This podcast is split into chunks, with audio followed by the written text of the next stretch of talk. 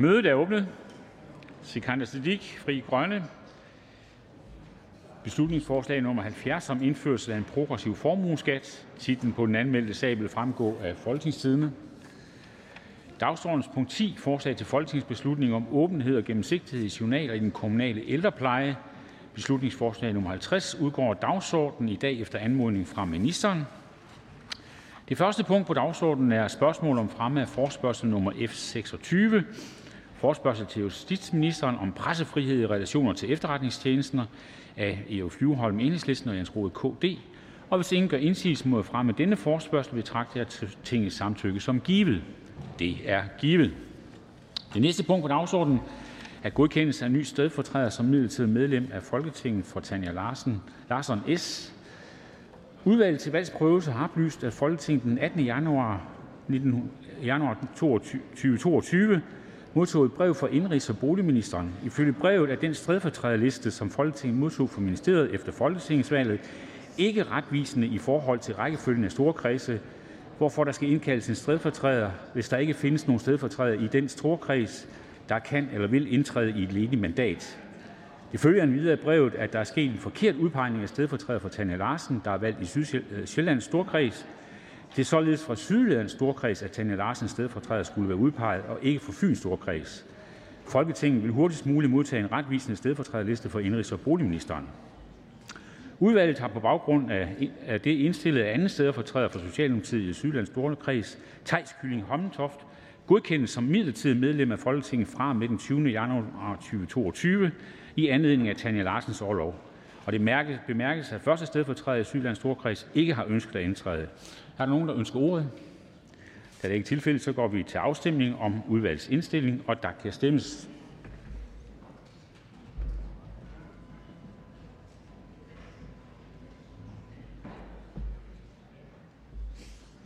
Afstemning slutter. 103 for, ingen imod, hverken, ingen hverken for imod. Hermed ophører Alexander Grans værv som med, midlertidig medlem af Folketinget. Øhm, og hvis Mette Gjerskovs overlov ophører før Tanja Larsens overlov, vil Brian Brassendorf være berettiget til at fortsætte som midlertidigt medlem under Tanja Larsens fortsatte overlov. Det næste punkt på dagsordenen er tredje behandling af lovforslag nr. L 83, forslag til lov om ændring af lov om internationalt udviklingssamarbejde af ministeren for udviklingssamarbejde. Der er ikke stillet ændringsforslag. Er der nogen, der ønsker at udtale sig? Da det ikke er tilfældet, går vi til afstemning, og der stemmes om lovforslagets endelige vedtagelse, og der kan stemmes.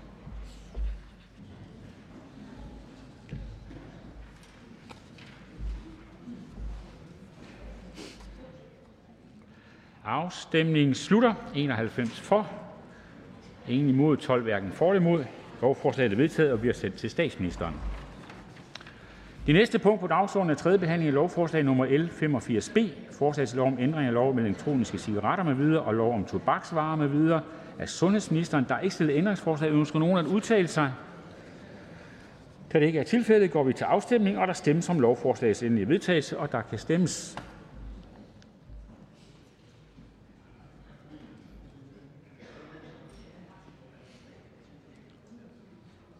Afstemningen slutter. 99 for, 4 imod, ingen hverken for eller imod. Lovforslaget er vedtaget og bliver sendt til statsministeren. Det næste punkt på dagsordenen er tredje behandling af lovforslag nr. L 97. Forslag til lov om ændring af lov om klinisk forsøg med lægemidler, lov om videnskabelige, øh, videnskabelige etiske behandlinger af sundhedsvidenskabelige forskningsprojekter og sundhedsdatavidenskabelige forskningsprojekter og sundhedsloven af sundhedsministeren. Der er da det ikke er tilfældet, så går vi til afstemning, og der stemmes om lovforslagets endelige vedtagelse, og der kan stemmes.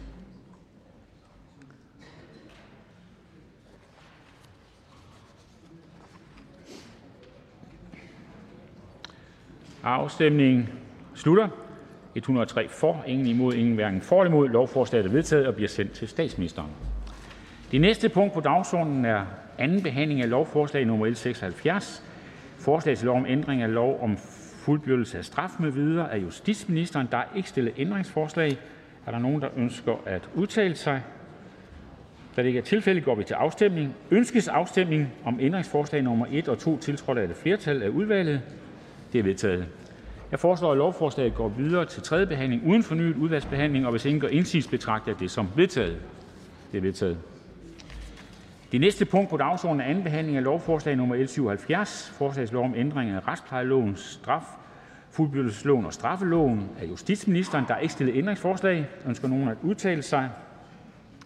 Da det ikke er tilfældet, er forhandlingen sluttet, vi går til afstemning. Der stemmes om ændringsforslag nummer 1 af et mindretal, tiltrådt af et mindretal, Radikale Venstre, Enhedslisten, Frie Grønne, IA og Simon Emil Ammitzbøll, og der kan stemmes.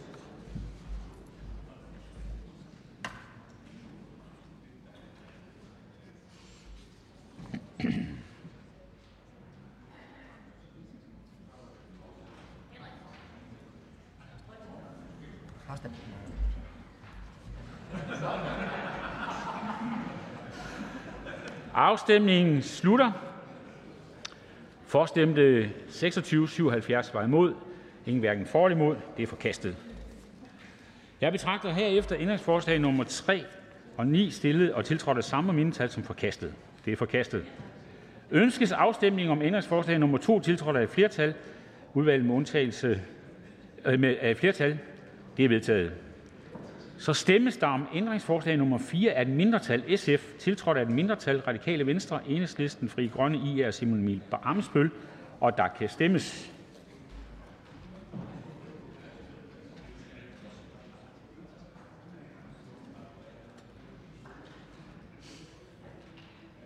Afstemningen slutter. 26 for, 76 mod, ingen hverken for eller imod. Det forkastes. Der stemmes om ændringsforslag nummer 5 af et mindretal 6. Undskyld. Jeg skal vi, vi skal til femmeren, ikke? Vi skal lige. Nå ja. Jeg betragter herefter ændringsforslag nummer 6 stillet og tiltrådt af samme mindretal som forkastet. Det er forkastet. Og så kommer vi til, at der stemmes om ændringsforslag nummer 5 af et mindretal, tiltrådt af et mindretal, Radikale Venstre, Enhedslisten, Frie Grønne, IA og Simon Emil Ammitzbøll, og her kan der stemmes.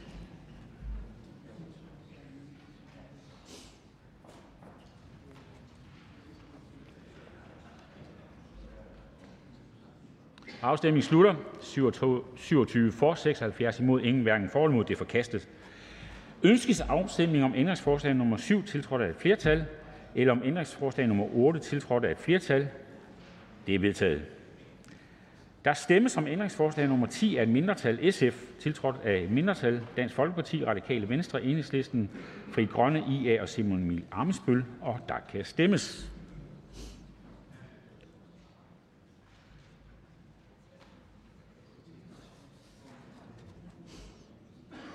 Afstemningen slutter. 36 for, 67 imod, ingen hverken for eller imod. Det er forkastet. Jeg foreslår, at lovforslaget går direkte til tredje behandling uden fornyet udvalgsbehandling, og hvis ingen gør indsigelse, betragter jeg det som vedtaget. Det er vedtaget. Det næste punkt på dagsordenen er anden behandling af lovforslag nummer L 62, forslag til lov om ændring af lov om godskørsel, lov om buskørsel og lov om udstationering af lønmodtagere med videre. Af transportministeren. Der er stillet ændringsforslag. Er der nogen, der ønsker at udtale sig? Carsten først, kan jeg se. Ja, godt. Der er altså nogen, der ønsker at udtrykke sig. Først er det hr. Karsten Hønge, SF. Værsgo. Altså, vi har tidligere reguleret godskørselsloven, hvor det jo var øh, det bedste og det største skridt mod social dumping i branchen, hvor vi regulerede kapotagekørslen. Til gengæld havde vi jo sat øh, næsen meget op efter, hvordan vi nu omsætter EU's vejpakke til danske forhold. Og der må vi sige, at der er fremskridt i den, og derfor ender vi også med at stemme for det samlede lovforslag. Men det, jeg tror, de fleste forbinder med, at EU skulle gå ind og hjælpe med at regulere international kørsel, det bliver ikke løst i det her lovforslag. Og derfor har SF også stillet et ændringsforslag, og vi har lavet vores særlige betænkningsbidrag, der går på, at dem, der tror, at det her skulle forhindre fremtidige padborg-lejre, altså hvor vi kan se uh, chauffører, underkude, underbetalte, ydmygede chauffører fra Filippinerne, Kazakhstan, Ukraine og Belarus, at det skulle være et overstået kapitel. Det er det ikke. Ja, det er det så muligvis, fordi nu skal regeringen jo lave forhandlinger med arbejdsmarkedets parter, og hvis de når frem til at få, det, øh, få reguleret ikke, ikke bilaterale internationale kørsler, ja, så vil det her kunne blive det værktøj, vi har brug for. Det, der bekymrer os i SF, det er, at vi på den måde overlader det til øh, arbejdsgiverne. At vi nærmest giver dem et, øh, et vetoret for, om vi får det her løst. Så jeg kan da på den ene side jo ønske alt muligt held og lykke til vores transportminister, til de møder, der skal holdes med arbejdsmarkedets parter, men at vi er bekymrede for, at vi her vedtager en lov, som øh, adresserer nogle, mange af de rigtige ting, men på det her punkt ikke leverer løsningen, eller rettere sagt udskyder den, til en forhåbning om, at arbejdsgiveren vil gå med til, at vi får omfattet internationale kørsler af vejpakken og får det reguleret, så vi undgår fremtidige slavelejre i grænseområdet. Der er en kort bemærkning til hr. Thomas Jensen, Socialdemokratiet. Ja, tak. Fordi når jeg læser øh, betænkningen her, så ser det ud som, at SF slet ikke havde set, at der var kommet noget fra transportministeren på det område her. Jeg synes, det er en fin tilkendegivelse, ministeren lægger ind i betænkningen her, hvor der jo står, at der allerede har været møde med arbejdsmarkedets parter. Der er enighed om, at man skal have en juridisk vurdering af det her, og man skal have senere hen en politisk forhandling også om, hvordan man kan finde en løsning på det her. Så det er fint nok, man bemærker det, men jeg synes, at, at ud af betænkningen, der fremgår det, at transportministeren er i fuld gang med at sikre i samarbejde med arbejdsmarkedets parter, at vi finder løsninger på det her. Er ordføreren ikke enig i, at den formulering, der er i betænkningen, den ser meget positiv ud? Hvorfor? Jo, men altså, hr. Thomas Jensen, det, det, der handler om her, det er, at der skal vi tro på, at det også lykkes, og at det også ender det rigtige sted. Den fornuftige proces her havde været, at man har haft de ting på plads, inden vi vedtager loven, så vi ved, hvad det er, grundlaget er. Nu vedtager vi en lov, og så håber vi på, at det kommer til at gå godt. Selvfølgelig er der opmærksom på, hvad der står i betænkningsbidraget. I øvrigt så har transportministeren jo også tidligere ved forhandlinger her i Folketinget gjort opmærksom på de møder, men det er da en lidt forunderlig situation, at nu tror vi mange, at vi egentlig vedtager det, der skal regulere ikke bilaterale internationale kørsler, og så i virkeligheden så, så udskyder man den del af det. Med de bedste forhåbninger om, at det kommer til at gå godt. Hvad når det ikke kommer til at gå godt? Det synes jeg, det skulle være på plads, inden vi vedtager loven. Ja, nu er det jo en god tradition i Danmark for at inddrage arbejdsmarkedets parter øh, i sådan noget indviklet noget her, og hvor vi skal have flere ministerier ind over for at vurdere juraen i det. Så øh, Lad os nu se. Vi får en juridisk øh, vurdering fra de forskellige ministerier, der er involveret i det her, og så øh, får vi arbejdsmarkedets parter på banen, og så kan vi tage en god diskussion af det herinde, og så må vi da håbe, at det munder ud i, at vi får en mere præcis regulering, sådan vi får opfyldt det, som hr. Carsten Hønge er interesseret i, nemlig ordentlige øh, arbejdsforhold og en ordentlig konkurrence på det her område, sådan vi ikke igen kommer til at se sager som Padborg-sagen. Hvorfor? Jo, jo, men har det ikke været snu at gøre det den anden rækkefølge, at man de har de ting på plads, inden vi behandler loven? Altså den der juridiske vurdering, de der møder og de der aftaler med arbejdsmarkedets parter, det havde da været en snu vej at gå og få det på plads, inden vi behandler loven, i stedet for nu at behandle loven og så håbe på, at det går godt.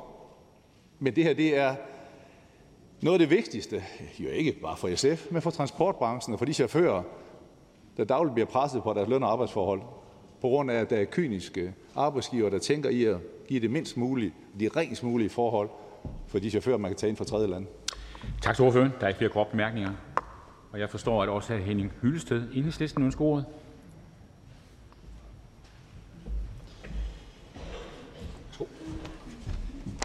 Ja, det er selvfølgelig for at tilkendegive, at vi faktisk bakker op bag øh, ændringsforslaget. Vi stemmer for ændringsforslagene fra SF, og det gør vi selvfølgelig, fordi det er den mest effektive måde at øh, få det her lovforslag øh, eller tilrettet, så det, er, øh, så det bliver en effektiv øh, håndhævelse.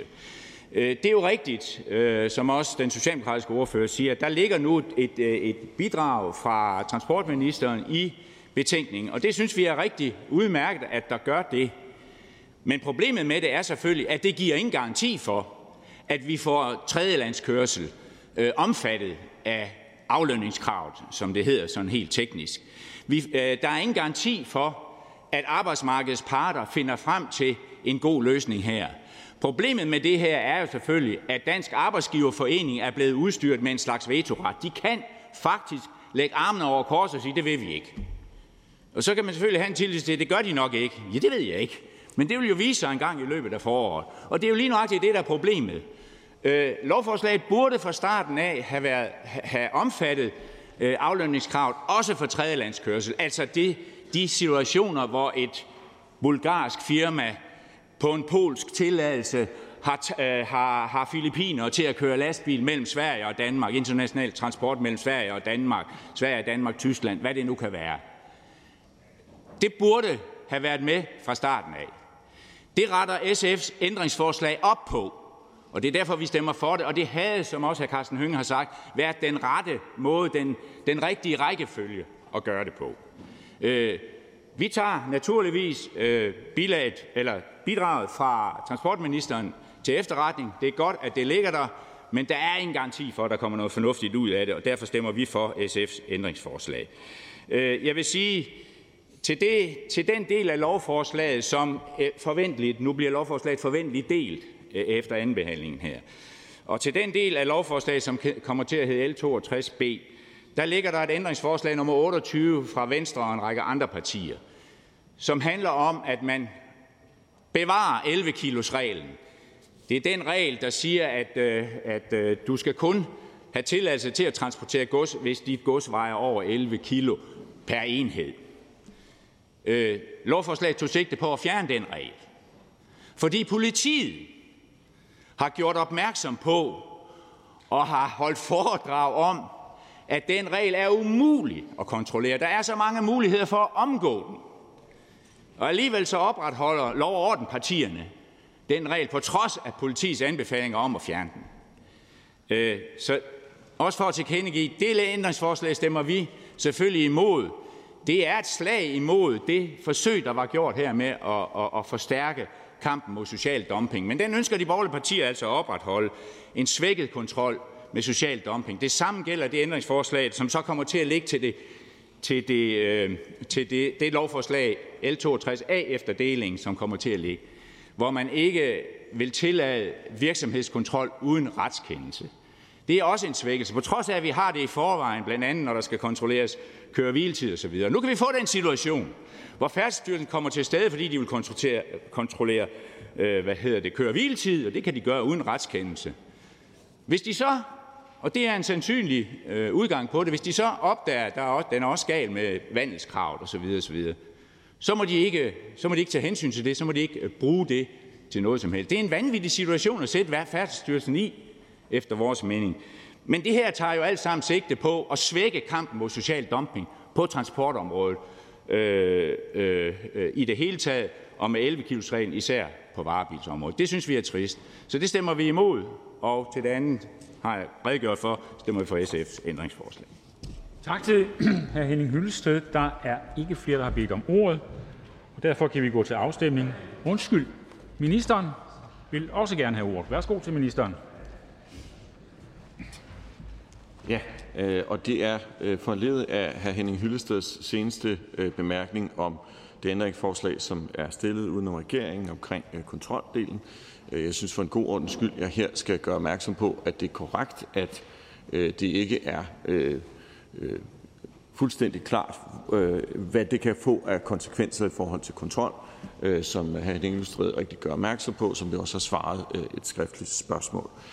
Og derfor er det klart, at stemmes det ændringsforslag igennem, så vil regeringen naturligvis også overveje nøjere, om der kan være et behov for at foretage sig andre tiltag, blandt andet for at sikre, det skal nok lige siges for en god ordens skyld, at langt størstedelen af al Færdselsstyrelsens kontrol foregår i god ro og orden, i god mag, øh, øh uden problemer at udlevere øh, de mange lovlydige virksomheder inden for transportbranchen øh, deres, øh, deres dokumentation, når det er, at øh, Færdselsstyrelsen hedder op øh, og, og, og beder om at få lov til at få indsigt.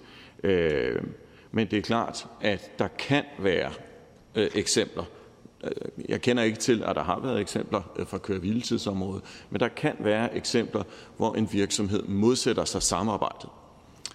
Og i den situation så må vi jo selvfølgelig overveje nøje, om der kan være andre tiltag, man skal gøre for at sikre sig, at øh, en, en øh, virksomhed holdes ansvarlig øh, i denne her situation øh, og stiller det øh, fornyede materiale til råd. Der er jo en dokumentationspligt, skal man huske på. Det kan være et bødekrav eller andet. Og det er selvfølgelig for at sikre, at øh, denne her regel ikke kommer ud til at gå ud over de mange lovlydige virksomheder, som jo faktisk øh, sikrer sig dokumentation, sørger for at overholde reglerne med videre.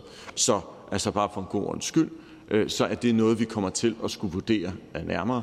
Det kan vi ikke gøre øh, øh, her og nu, men det må vi selvfølgelig gøre i, øh, i det videre arbejde, også fordi der også på andre områder er øh, steder, hvor Færdselsstyrelsen øh, dels allerede kontrollerer, men også i fremtiden forventes at få flere opgaver, noget som vi jo øh, på tværs af Folketinget er enige om at give Færdselsstyrelsen disse arbejdsopgaver. Tak til ministeren. Jeg ser ikke nogen ønsker om korte bemærkninger. Og så skal jeg på en sikkerhedsgrund spørge mig, er der flere, der ønsker ordet? Da det ikke er tilfældet, så er forhandlingen sluttet, og vi går til afstemning. Vi har ministeren med. Ønskes afstemning om ændringsforslag nummer 1, tiltrådt af udvalget, om at lovforslaget deles i to lovforslag. Herefter er deling af lovforslaget i to lovforslag vedtaget. Og så stemmes der herefter under det som under A nævnte lovforslag. Ønskes afstemning om ændringsforslag 2-6, tiltrådt af et flertal? Det er vedtaget. Så stemmes der om ændringsforslag nummer 7 af et mindretal SF, tiltrådt af et mindretal Enhedslisten og Fri Grønne. Der kan stemmes.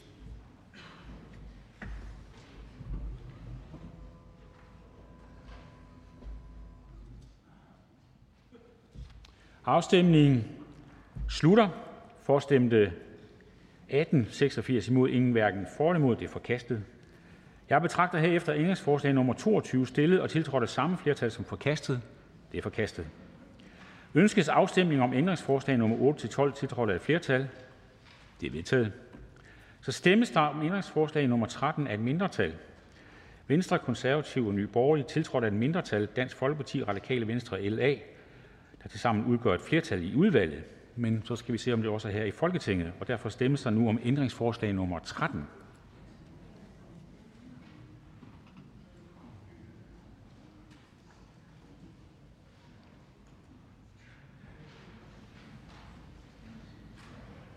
Afstemningen slutter.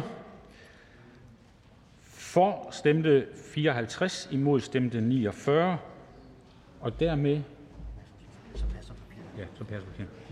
Dermed er det vedtaget. Hvis ikke afstemning begæres, betragter jeg herefter ændringsforslag nummer 18 og 27 stillet og tiltrådt af samme mindretal som vedtaget. Det er vedtaget. Ønskes afstemning om ændringsforslag nummer 14-17 og 19-21 og 23-26 tiltrådt af et flertal? Det er vedtaget. Der stemmes herefter under det nævnte B-lovforslag, og der stemmes om ændringsforslag nummer 28 af et mindretal Venstre, tiltrådt af et mindretal Dansk Folkeparti, Radikale Venstre, Konservative Folkeparti, Ny Borgerlige Liberale Alliance, der tilsammen udgør et flertal i Folketinget, og der kan stemmes.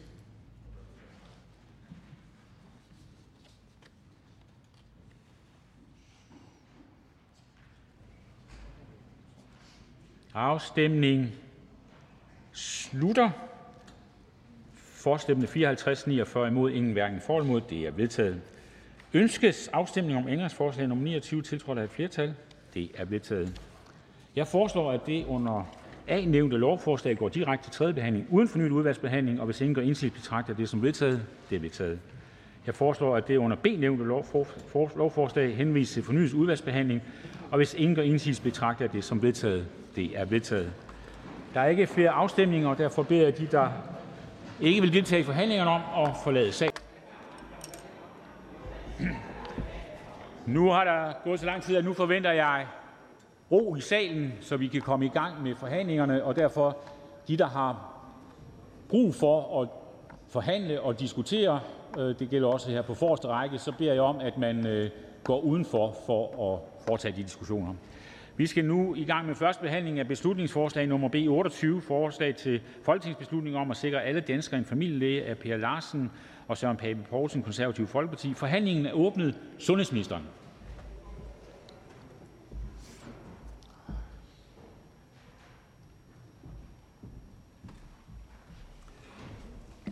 Ja, tak for det, formand. Tak for det. Ja, første punkt øh, i de første behandlingerne i dag, det er et øh, beslutningsforslag, øh, det er stillet af øh, det konservative Folkeparti, og det er en, øh, en revideret genfremsættelse af et andet forslag fra tidligere folketingsår, et forslag, som blev øh, øh, forkastet. Og forslaget lyder, at regeringen pålægges at fremsætte lovforslag, hvor antallet af hoveduddannelsesforløb i almen medicin øges til 400 pladser om året i perioden 2022 til 2027. Samtidig skal antallet af introduktionsstillinger øges med 195 årligt i samme periode, og forslagene skal finansieres gennem råderummet. Citat slut fra, fra forslaget. Så det altså handler altså om, øh, om lægedækning. Det handler om, hvorvidt, hvad skal vi gøre øh, for at sikre bedre lægedækning. Og det er et, øh, en diskussion, som er særdeles øh, relevant, og jeg vil sige, øh, i regeringen deler vi ambitionen om bedre lægedækning uanset, uanset, hvor, uanset hvor i landet man bor.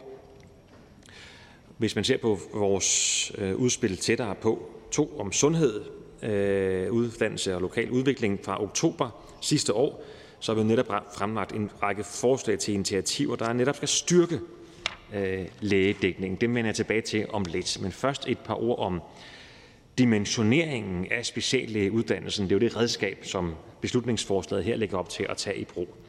Som det er bekendt, så er dimensioneringen af uddannelsesforløb i speciallægeuddannelsen i almen medicin allerede øget af flere omgange de senere år. Og det vil jeg anerkende. Den tidligere øh, regering, der hed, den der hed VLAG, blev kaldt VLAG-regeringen, de øgede den, og vi har så øget den øh, derudover. Så der er altså taget nogle skridt til at øge den, øh, både af den tidligere regering, og vi har så øget den. Den her regering øh, har så øget den øh, derefter. Senest har regeringen og danske regioner i aftale om Øh, regionernes økonomi for 2022 enedes om øh, fra i år gradvist at øge antallet af hoveduddannelsesforløb i blandt andet rekrutteringsudfordrede specialer og uden for de større byer.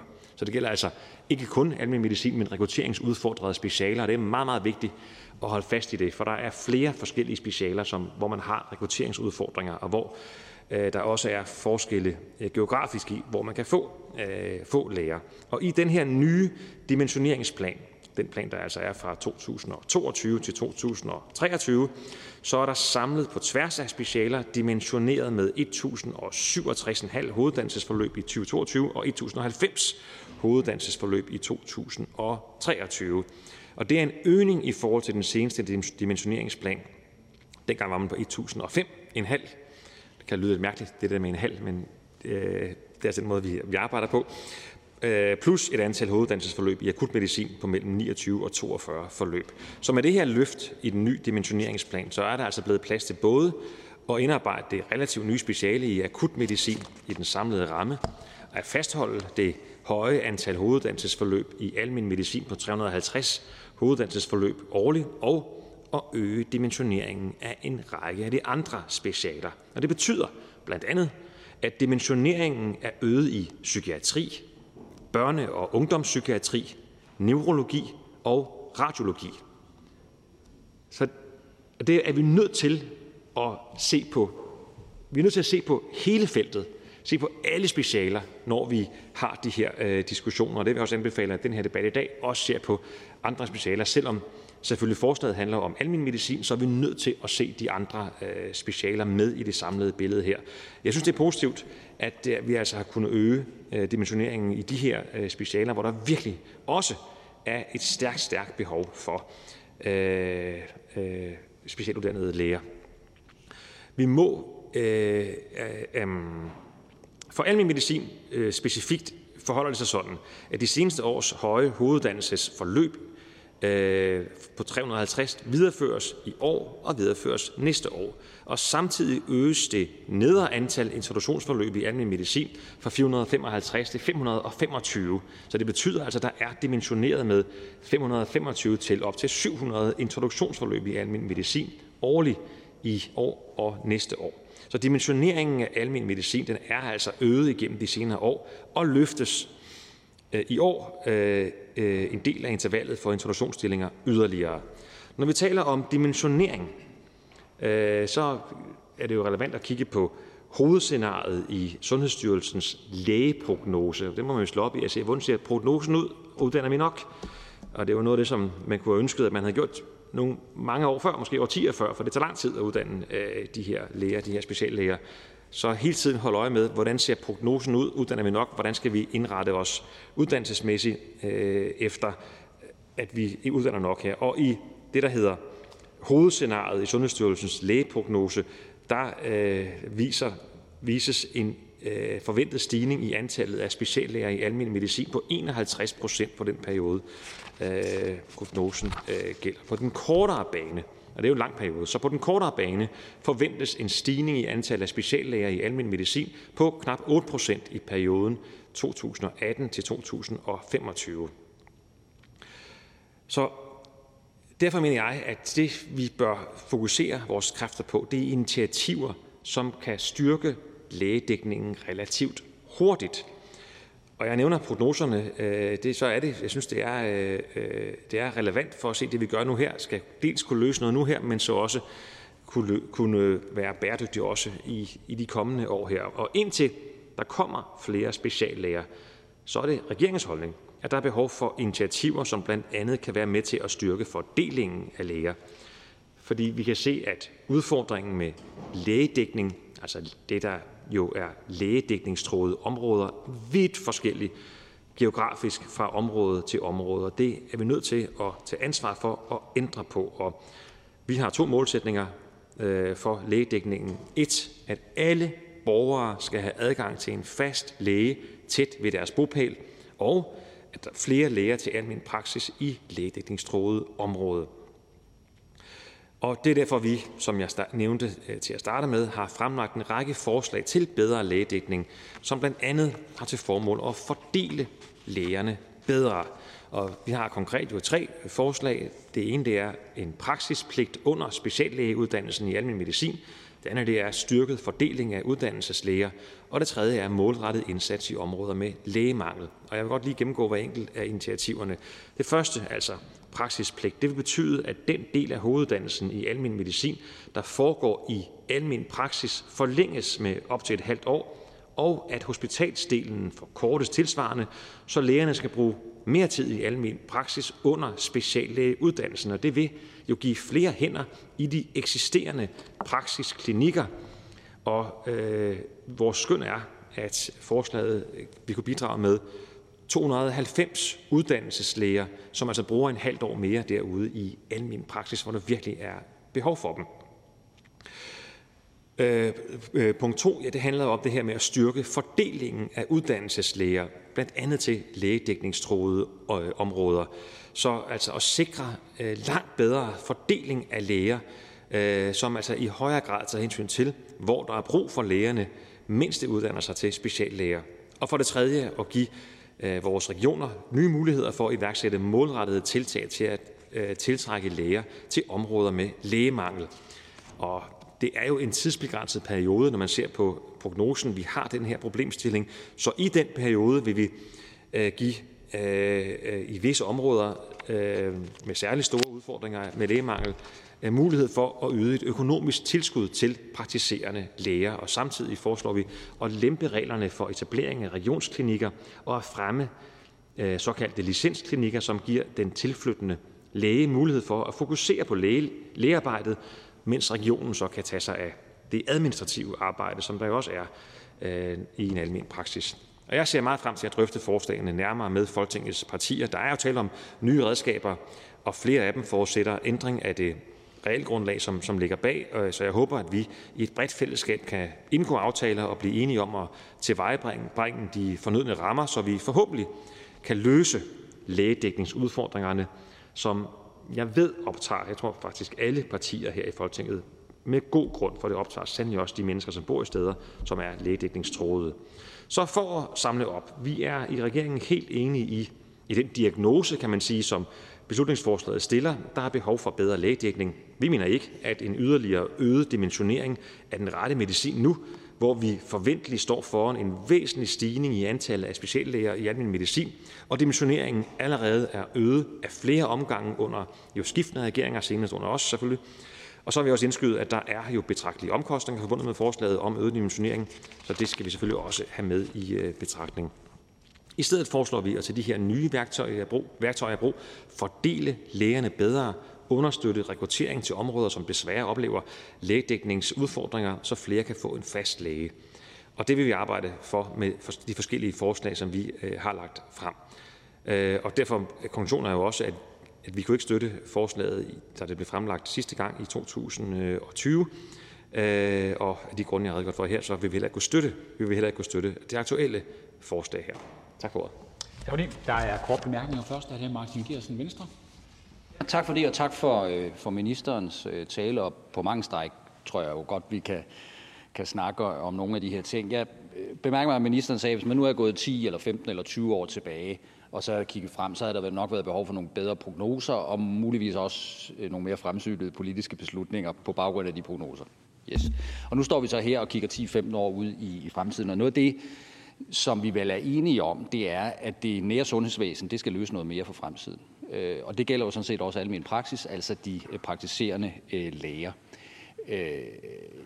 Jeg ser for mig, at man ved at uddanne nogle flere praktiserende læger i virkeligheden også styrker det frie valg. Altså i dag er det frie valg jo nærmest ikke eksisterende, når det handler om praktiserende læger. Så på den baggrund vil det så ikke, det bliver et lidt ledende spørgsmål, minister, men vil det så ikke være fornuftigt ligesom at have sig et eller andet perspektiv på, at hvis vi ser 10-15 år ude i fremtiden, at der så også er læger til at, løse opgaven i forhold til styrkelse af det nære sundhedsvæsen og etablering af et reelt frit valg af praktiserende læge. Minister? Jo, øh, og, og der er jo ingen grund til, at, at, at dimensioneringsplanen øh, gælder jo i år og gælder næste år, og det er altså en lidt kortere periode, men normalt har en lidt længere dimensioneringsplan, og derfor er det jo oplagt, at øh, når vi forhåbentlig i bredt, et bredt flertal er blevet enige om en sundhedsreform, der også beskriver øh, den nærhedsrevolution, som sundhedsvæsenet står overfor, som mange eksperter og også mange, mange partier er, jeg tror alle partier er enige om, at der skal vi have styrket indsatsen og fokuseret indsatsen. Øh, så må vi jo se på, hvordan, hvad stiller det så af nye, eventuelt nye udfordringer øh, inden for øh, øh, dimensioneringsplaner. Og der må vi så se, om der skal laves tilretninger af det, og så, og så må vi, vi, vi, jo, vi jo øh, se, hvad Sundhedsstyrelsen kommer, kommer frem til. Øhm, for det kan jo ikke afvises, at de beslutninger, vi står overfor, vil have øh, en betydning for behovet for, hvilke lægetyper der skal være hvor, og, øh, og det må vi så øh, drøfte og, og få, få beregnet. Men jeg tror, at takten må være først, skal vi have de forhandlinger, forhåbentlig en bred aftale, og så øh, beder vi Sundhedsstyrelsen om at levere oplag til en ny dimensioneringsplan. Er Martin Gersen? Nå, men det er jeg sådan set glad for, det svar, fordi det øh, bekræfter jo øh, blot, at det kan jo godt ende med at se sådan ud. Altså, øh, hvis vi er enige om diagnosen, så bliver vi også nødt til på et eller andet tidspunkt at blive enige om, om løsninger. Jeg, jeg, jeg har bare svært ved at se, at man kan komme uden om ligesom at styrke almen praksis, også i forhold til antallet af hoveder og hænder, når vi ser ud i, i fremtiden. Så var ministeren til at bekræfte, at det, der handler om det lægedækning herunder uddannelse af flere læger, så også bliver en del af forhandlingerne om en uh, sundhedsaftale, sundhedsreform, lidt afhængig af temperament. Minister? Men det vil jeg meget gerne bekræfte. Det, det er det. Altså det, en stor del af det handler jo om at rykke sundhedstilbudene tættere på borgeren, og, og det er jo almen praksis. Og der er det bare vigtigt, så vi har med. Øh, nu taler vi om almen praksis, øh, og det, det er jo det, et meget, meget stort og vigtigt tema for, for os alle sammen, og også for beslutningsstillerne her, forslagsstillerne her. Men der er det meget, meget vigtigt, at vi har et blik på alle specialer, fordi man kan risikere sådan en intern kanibalisering, hvor man Øh, man laver nogle specialer, som så kanibaliserer på de andre steder. Og vi har altså også brug for børne- og unge psykiatrien, øh, speciallæger her og andre steder, så det er vigtigt, at vi har det samlede billede. Tak, formand. Ja, tak for det, og tak øh, til ministeren for ministerens tale, selvom jeg faktisk er en lille smule skuffet over indholdet øh, i ministerens tale, fordi at øh, ministeren siger jo faktisk nogle af de rigtige, øh, de rigtige ting. Det her med, hvorfor havde man ikke øh, sørget for at uddanne nogle flere praktiserende speciallæger øh, for, for lang tid siden, øh, eller nogle almindelige mediciner, øh, sådan så vi ikke havde haft det problem her i dag. Og hvis det er sådan, at man stemmer imod det her forslag, så kommer vi jo faktisk til at have en situation, der ligner, også ud i fremtiden. Fordi de initiativer, som øh, ministeren øh, redegør for her i forhold til at lave en bedre fordeling og noget med tvang og sådan noget der, det løser jo ikke problemet, hverken på kort sigt eller på lang sigt. Øh, så jeg savner faktisk en reel begrundelse for, hvorfor ministeren ikke vil være med til at hæve andelen af praktiserende læger fra de der omkring 3300, som vi har nu, til de der 5.000, som PLO de vurderer af dem, der bliver behov for øh, på grund af demografi og, og øh, ja, altså stigende levealder. Hvad er begrundelsen for, at ministeren ikke bider til her og så siger, lad os nu få lidt løst en gang for alle? Minister? og begrundelsen er jo, at øh, altså, der er jo en lang, lang række øh, begrundelser her, men, men øh, det er jo vigtigt, at vi har uddannet de læger, som skal til nu og her og i fremtiden. Og her nu og her, der står vi og mangler på en række specialer, herunder almindelig medicin, som vi taler om her i dag, men en række andre specialer mangler vi læger, og vi mangler en bedre fordeling af de øh, specialuddannede, altså læger, øh, i, i, øh, som har gået igennem specialuddannelsen. Det, det mangler vi simpelthen i flere steder i Danmark. Så, så en ting er jo at starte op med uddannet flere nu her. Det er vi i gang med øh, at gøre her. Man kan altid drøfte, hvor meget vi har lagt ovenpå. Det, det har vi ud fra de prognoser, som, som vi har. Men det er altså ikke nok kun at gøre det. Vi er også nødt til at, at være ærlige over for hinanden og sige, at der skal være en bedre fordeling. Ellers risikerer vi at skrue op for det, som øh, kan, kan vokse og kan blive til en intern kannibalisering, hvor man tager fra specialer og tager fra geografiske områder, hvor der er brug for lægerne. Og det er det, jeg frygter ved det her forslag. Ønsker hr. Per Larsen ord igen? Værsgo. Ja, tak. Jamen altså, det her med fordelingen, det er jo øh, et eller andet sted en lappeløsning, og man kan jo, vi ved jo godt, at øh, lægerne lige er ikke sådan at flytte rundt på. Øh, når nu først øh, de er blevet uddannet som speciallæger i almindelig medicin, så har de typisk en alder, hvor de også stifter familie, og de har børn og sådan noget, og, og så er de jo ikke sådan at flytte med. Øh, så den reelle mulighed, hvis det er sådan, at alle danskere de skal have en familielæge, som de kender, det er jo simpelthen at graduere op, så vi kommer op på de 5.000 læger. Er ministeren uenig i det? Minister? Ja, det er jeg uenig i. Øh, det er jeg. Og, og øh, for hvis, hvis vi bare graduerer blindt op, øh, jamen, så risikerer vi jo de to ting, nemlig så vil vi jo fjerne endnu, altså, så vil vi fjerne endnu flere læger af dem, som, som er på andre specialer, som, hvor der også er behov. I psykiatrien, børne- og ungepsykiatrien, et kæmpe stort behov for øh, speciallæger her. Og hvis vi skruer voldsomt op for en af speciallægeuddannelserne nogle steder i Danmark, jamen så risikerer vi at tømme speciallæger andre steder, geografisk og specialemæssigt. Fru Liselott Blixt, Dansk Folkeparti. Mange tak, og tak for ministerens øh, svar på beslutningsforslaget.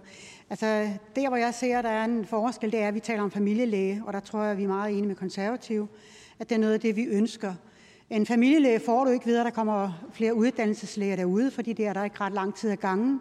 Det er også svært, når man nu kommer fra Lolland, som, som jeg gør, at sende uddannelseslæger hen til klinikker, der ikke eksisterer, eller at man nu ser, at der er nogle af de her privat, private klinikker, øh, som nu øh, må lukke, og så skyder der bare endnu flere regionsklinikker op.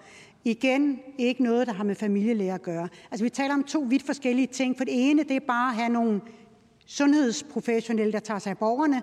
Det andet, det er nogle familielæger, der følger dig, der er der, når du bliver gravid, men også når du er født, og ser den lille, også når de skal vaccineres, og måske også gør, at du er mere tryg, når du skal op og have en coronavaccine, eller hvad det nu skal være. Kan ministeren se den forskel? Minister? Ja, det kan jeg sagtens gøre. Det kan jeg sagtens se. Øh, og derfor så, øh, når, vores forslag, et af vores forslag handler om, at man de steder, hvor man er letdækningstruet i de her år, kan, kan være med til at belønne økonomisk læger og lave bedre muligheder for, at læger kommer der til økonomisk.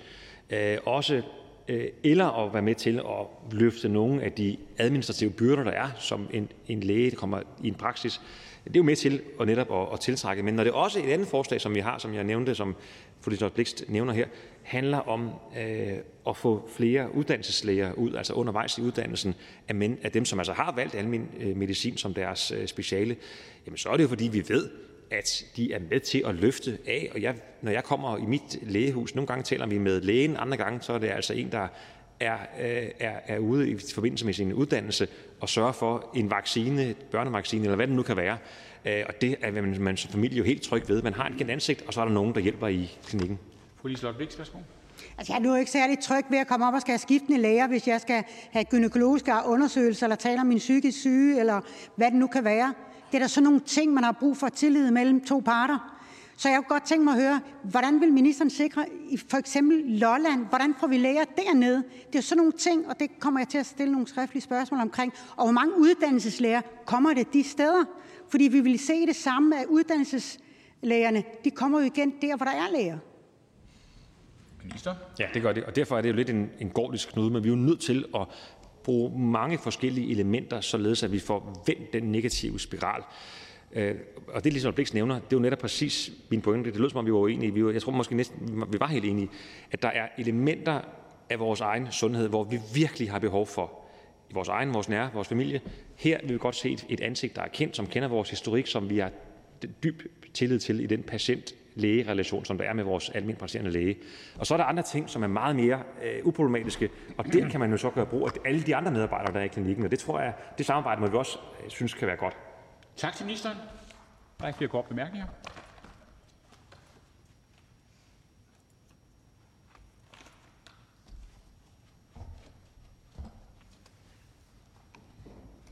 Tak for det. Og vi går nu til ordførerrækken, og så er det fru Camilla Fabricius, Socialdemokratiet. Tak for det. Jeg er her i stedet for vores ordfører på sagen, Birgitte Vind, som desværre har måttet lægge sig ikke med corona, men alligevel. Så jeg holder mig sådan nogenlunde til vores talepapir, og jeg glæder mig meget til debatten. Når det så er sagt, så, øh, så synes jeg faktisk, at den her debat er meget, meget væsentlig, og jeg, synes, jeg er glad for, at de konservative har rejst den. Jeg er opvokset i Vestjylland og bor i Aarhus, og har øh, på levende vis øh, oplevet den store forskel, der er. Jeg kunne godt tænke mig at starte øh, med at fortælle mine kolleger og Folketinget om, at her for knapt en måned siden skulle jeg øh, skifte læge. Jeg bor i det centrale Aarhus, og øh, ikke nok med, at, øh, at jeg havde flere at vælge mellem. Jeg kunne altså både kigge på geografi, jeg kunne kigge på kompetencer. Jeg kunne også kigge på køn, og det er en af forskellene, der er ved at bo øh, steder, hvor der er stor lægedækning, og en af udlemmerne ved at så bo et af de steder, som ordføreren, øh, der har stillet forslaget, rejser. Mere end øh, 6.000 øh, danskere bor netop i sådan et område, som er lægedækningstruet. Det er ingen tvivl om, at det er et stort problem, og den praktiserende læge, at hun spiller en central rolle for vores samfund.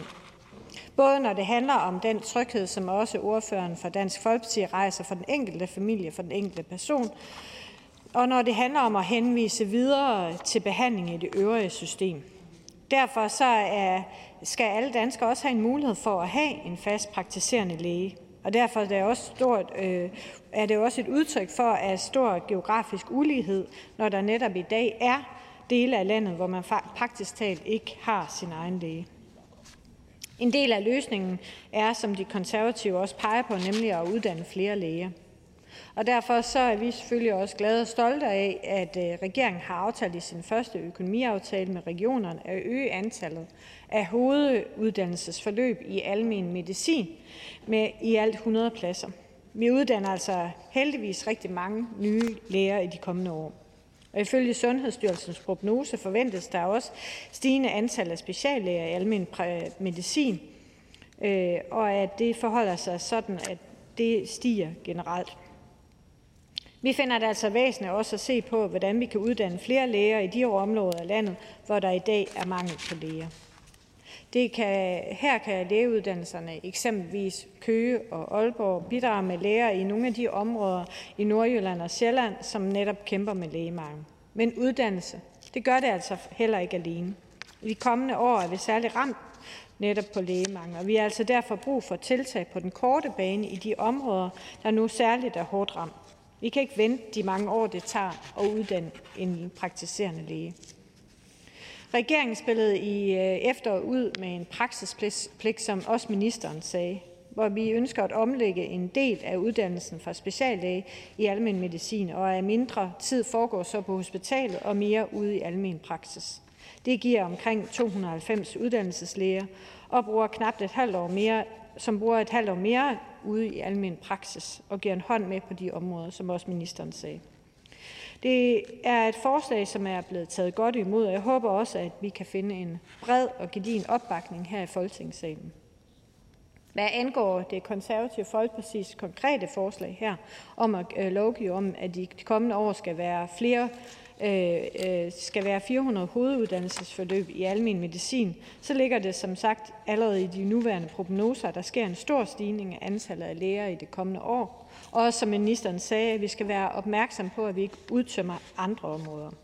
Det er en kompliceret og svær sag, som jeg og Socialdemokratiet i den grad er glad for, at vi får diskuteret, for vi er nødt til at se på de forskellige greb, der er. Vi ser frem til samarbejdet og frem til, at vi samlet set kan arbejde for en bred, lige og retfærdig dækning af praktiserende læger i hele Danmark. En kort bemærkning til hr. Per Larsen, Konservative Folkeparti. Ja, tak til fru Camilla Fabricius for at være stand ind her og for at holde en, en, en socialdemokratisk tale. Men jeg er nødt til at spørge, fordi Mette Frederiksen sagde i hendes nytårstale, at alt for mange danskere ikke har mulighed for at få deres egen praktiserende læge. Og det er jo dejligt, at vi er enige om, at det er vigtigt, at folk de har en egen praktiserende læge. Men det klinger jo en smule hul, når man så ikke vil bide til bolle her og være med til at sikre, at vi kommer op på de 5.000 praktiserende læger, som PLO de jo, øh, har en prognose, der siger, at vi har behov for fremadrettet, fordi der bliver dobbelt så mange 80-årige eksempelvis. Så ser man et på landsdækkende tv, og så mener man i grunden noget helt andet, når man kommer her i Folketingssalen. Hvorfor? Mm. Tusind tak for at at, at stille mig det spørgsmål. Jeg synes øh, på ingen måder, at øh, det er modstemmende. Øh, jeg synes sådan set, at både jeg selv her i talen, men jo også, at ministeren har været meget klar på at sige, at vi har stærke ambitioner på et lige og retfærdigt Danmark, og at, øh, at at det, øh, som vores statsminister, eller landets statsminister og vores partileder siger her, er meget øh, klar på, at det er en udfordring. Og derfor har ministeren jo også peget på, at der er nødt til at være forskellige greb. Vi er altså nødt til at se på uddannelse, vi er nødt til at se på tiltrækning, vi er nødt til at se på, hvad det er for nogle tiltag, der generelt skal være. Og jeg kunne jo vende rundt og sige, eller i hvert fald håbe, at ordføreren så var klar på at snakke om praksispligt. At man faktisk satte mandat bag på og støttede op om Socialdemokratiet og regeringens forslag om praksispligt. Så det glæder jeg mig meget til at, at diskutere noget mere. Peter Larsen, Ja, og praksispligt, det har jeg i hvert fald øh, ret stor sikkerhed for, at det er der ikke øh, flertal for i Folketinget, så den er jo ligesom lagt lidt død.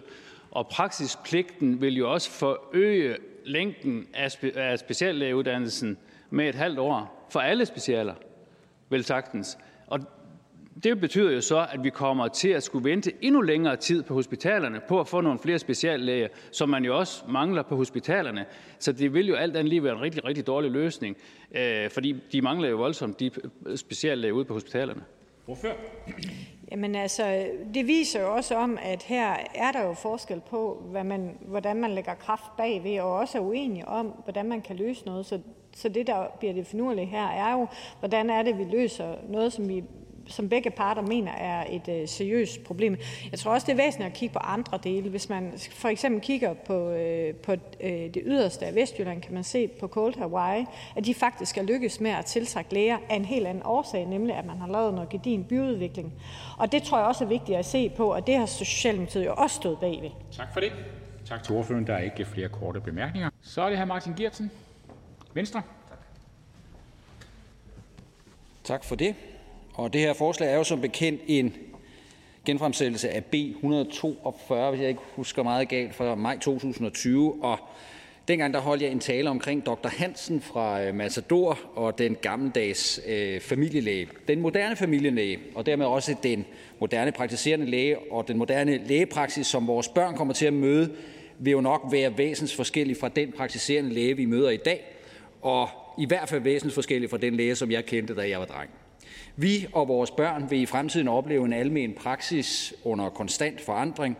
Vi kommer nogle gange til at møde lægen virtuelt, og vi vil opleve langt mere opsøgende læger, der vil deltage aktivt i dialogen med borgere med kroniske sygdomme, og som på linje med lindring og behandling vil kunne rådgive os effektivt om forebyggelse.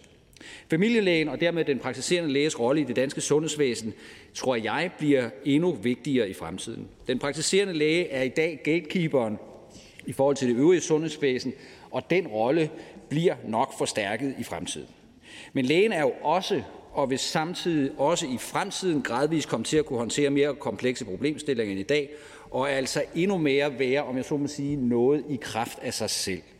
Fremtidens praktiserende læge har dog ikke desto mindre det til fælles med Dr. Hansen, at vedkommende nyder vores allesammen store tillid.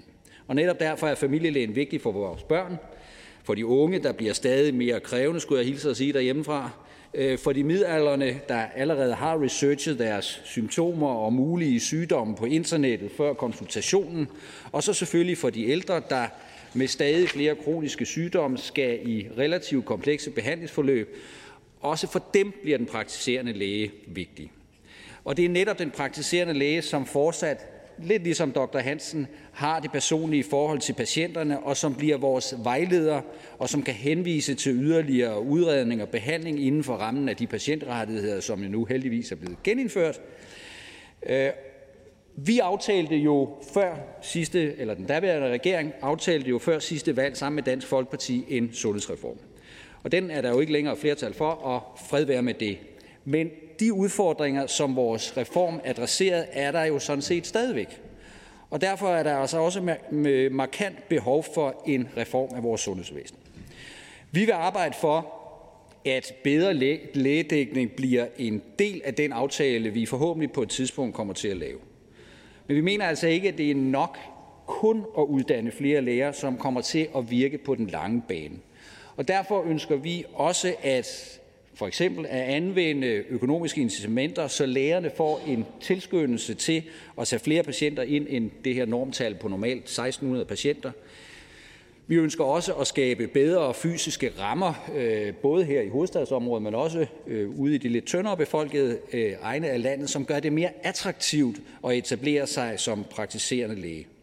Vi ønsker tid i almen praksis på special, øh, vi ønsker tid, mere tid i almen praksis på speciallægeuddannelsen, som jo også vil betyde en ekstra arbejdskraft til rådighed i almen praksis. Vi ønsker at give økonomisk støtte til, at yngre læger under uddannelse kan etablere sig i lægedækningstruede egne af landet. Og så ønsker vi ved siden af det, at vi også får en bedre speciallægedækning i det hele taget i øh, de lidt mere tyndt befolkede egne af landet, så det ikke kun er forbeholdt hovedstadsområdets borgere at have speciallæger. Alt det her for at blandt andet for at styrke det frie valg, så den enkelte dansker får større muligheder, når det kommer til valg af læge, men jo altså også for at fremtidssikre det danske sundhedsvæsen, hvor vi ved, at vi bliver nødt til at styrke det nære sundhedsvæsen for at aflaste vores sygehuse. I Venstre der støtter vi øh, forslaget fra de konservative, men vi er altså også af den overbevisning, at almen praksis, altså de praktiserende læger, står over for en større omstilling i de kommende år, hvor dialog med patienter og pårørende bliver helt anderledes end det, vi kendte fra dengang, ja undskyld øh, udtrykket, altså fra dengang vi havde den gammeldags familielæge Dr. Hansen.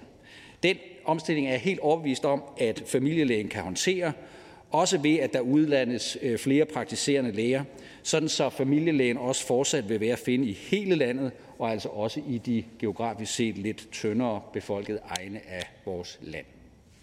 Der er en kort bemærkning til hr. Peter Velblund, Enhedslisten. Ja, tak for det, og tak til hr. Martin Geertsen for, for talen. Øh, og jeg synes, det er interessant at rejse netop det aspekt i forhold til hele den omstilling, der sker i forhold til spørgsmålet omkring øh, almen praksis og de, øh, de praktiserende læger. Øh, og der tror jeg jo, at hr. Martin Geertsen har ret i, at den nye generation af almen praktiserende læger, vi kommer til at se, også efterspørge nogle andre muligheder, altså muligheden for at have ikke nødvendigvis arbejdsgiveransvar, at have muligheden for at have faglig sparring med andre, måske endda muligheden for delte stillinger, Øh, og i hvert fald kunne indgå i kollegiale fællesskaber på andre måder. Og derfor vil jeg godt høre hr. Martin Geertsen om den omstilling, øh, om hr. Martin Geertsen også er enig i, at det bør også omfatte for eksempel en større frisættelse af regionsklinikkerne, altså at man har muligheden for at etablere offentlige regionsklinikker, som ikke er underlagt reglerne om, at der konstant skal laves udbud, hvilket jo bryder muligheden for, at man kan have en mere fast tilknytning. Men det kunne jo netop sikre muligheden for mere fleksibilitet, og samtidig også sikre, at der var mulighed for at have en fast tilknytning til en læge. Hvorfor? Ja, nu hedder det jo privatpraktiserende læger, og det er jo fordi, at vi har en sektor her, som jo traditionelt i det her land har været altså i den private del af vores sundhedsvæsen. Og det ser vi egentlig ikke nogen grundlæggende øh, grund til at øh, ændre på. Men jeg tror, at hr. Peter Velblom har ret i, at der er jo nogle praktiserende læger, som for fremtiden har lyst til at øh, eje deres eget ydernummer. Det skal de jo ifølge lovgivningen. Øh, men også at tage sig af det hele, altså det hele, det vil sige al administrationen og det med at forestå øh, byråkratiet og lønneudbetalinger, hvad ved jeg, at man selv har, lov, har lyst til at stå for det. Men der vil jo også være dem, der har lyst til at have et back-off, øh, hvad hedder sådan noget, et, et back-office til at håndtere de her øh, ting. Og det findes der jo allerede eksempler på, der ude i dag, uden at starte en eller anden lang diskussion med hr. Per Larsen om stråmandsklinikker, så findes der jo mulighed for, at, øh, at man, om jeg så må sige, kan få andre til at håndtere de sådan mere byråkratiske dele af det at være praktiserende læge. Så jeg er sådan set enig i analysen, forslaget fra hr. Peder Hvelplund lidt mere bekymret for. Hr. Peder Hvelplund? Men, men så må jeg forstå det sådan, at det alene beror på en ideologisk modstand imod, at øh, man sikrer det frie valg til også at kunne etablere regionsklinikker, fordi vi ved jo, at det er en efterspørgsel, at der kunne være muligheden for blandt andet at have delte stillinger, så man kan levere nogle timer på et, et hospital, andre på i en, øh, i en regionsklinik for eksempel. Og det kunne være med til at sikre både bedre arbejdsvilkår for, for de, øh, de nye øh, almen praktiserende øh, eller almen mediciner, som gerne vil ud og arbejde i, i praksis, men jo også sikre en, en øget mulighed for, for, for faglig sparring. Så kunne man ikke være åben øh, for den mulighed, når nu det er noget, der bliver efterspurgt? Jo, mit sind er, er altid åben, men, men, men, men der er vel ikke noget vejen med at have en principiel indstilling til tingene. Og jeg synes grundlæggende, at den måde almen praksis, øh, som er på private hænder, øh, og den måde, vi har skruet tingene sammen på i dag, er den rigtige måde. Og så kan der jo være nogle praktiserende læger for fremtiden, som, om jeg så må sige, gerne vil have hjælp til alt det, der ikke handler om, hvad skal man sige, det centrale i lægegærning. Det har jeg til gengæld et mere afslappet forhold til. Tak til ordføreren. Der er ikke flere korte bemærkninger.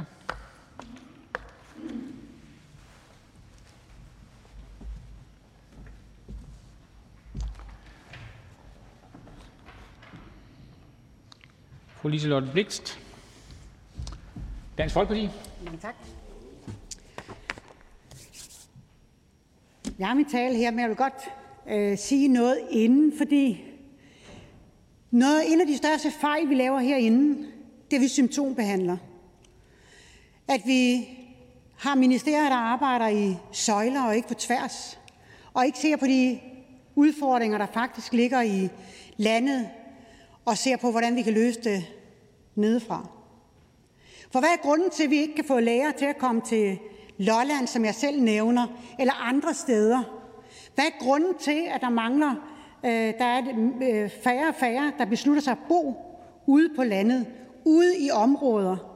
Hvad er grunden til, at det er ældre og folk på overførsel, der efterhånden tegner de små landsbyer, og derfor har man svært ved at tiltrække folk med en højere uddannelse, og specielt læger til at bosætte sig i et område, hvor de måske ikke har det fællesskab, som, som de går efter.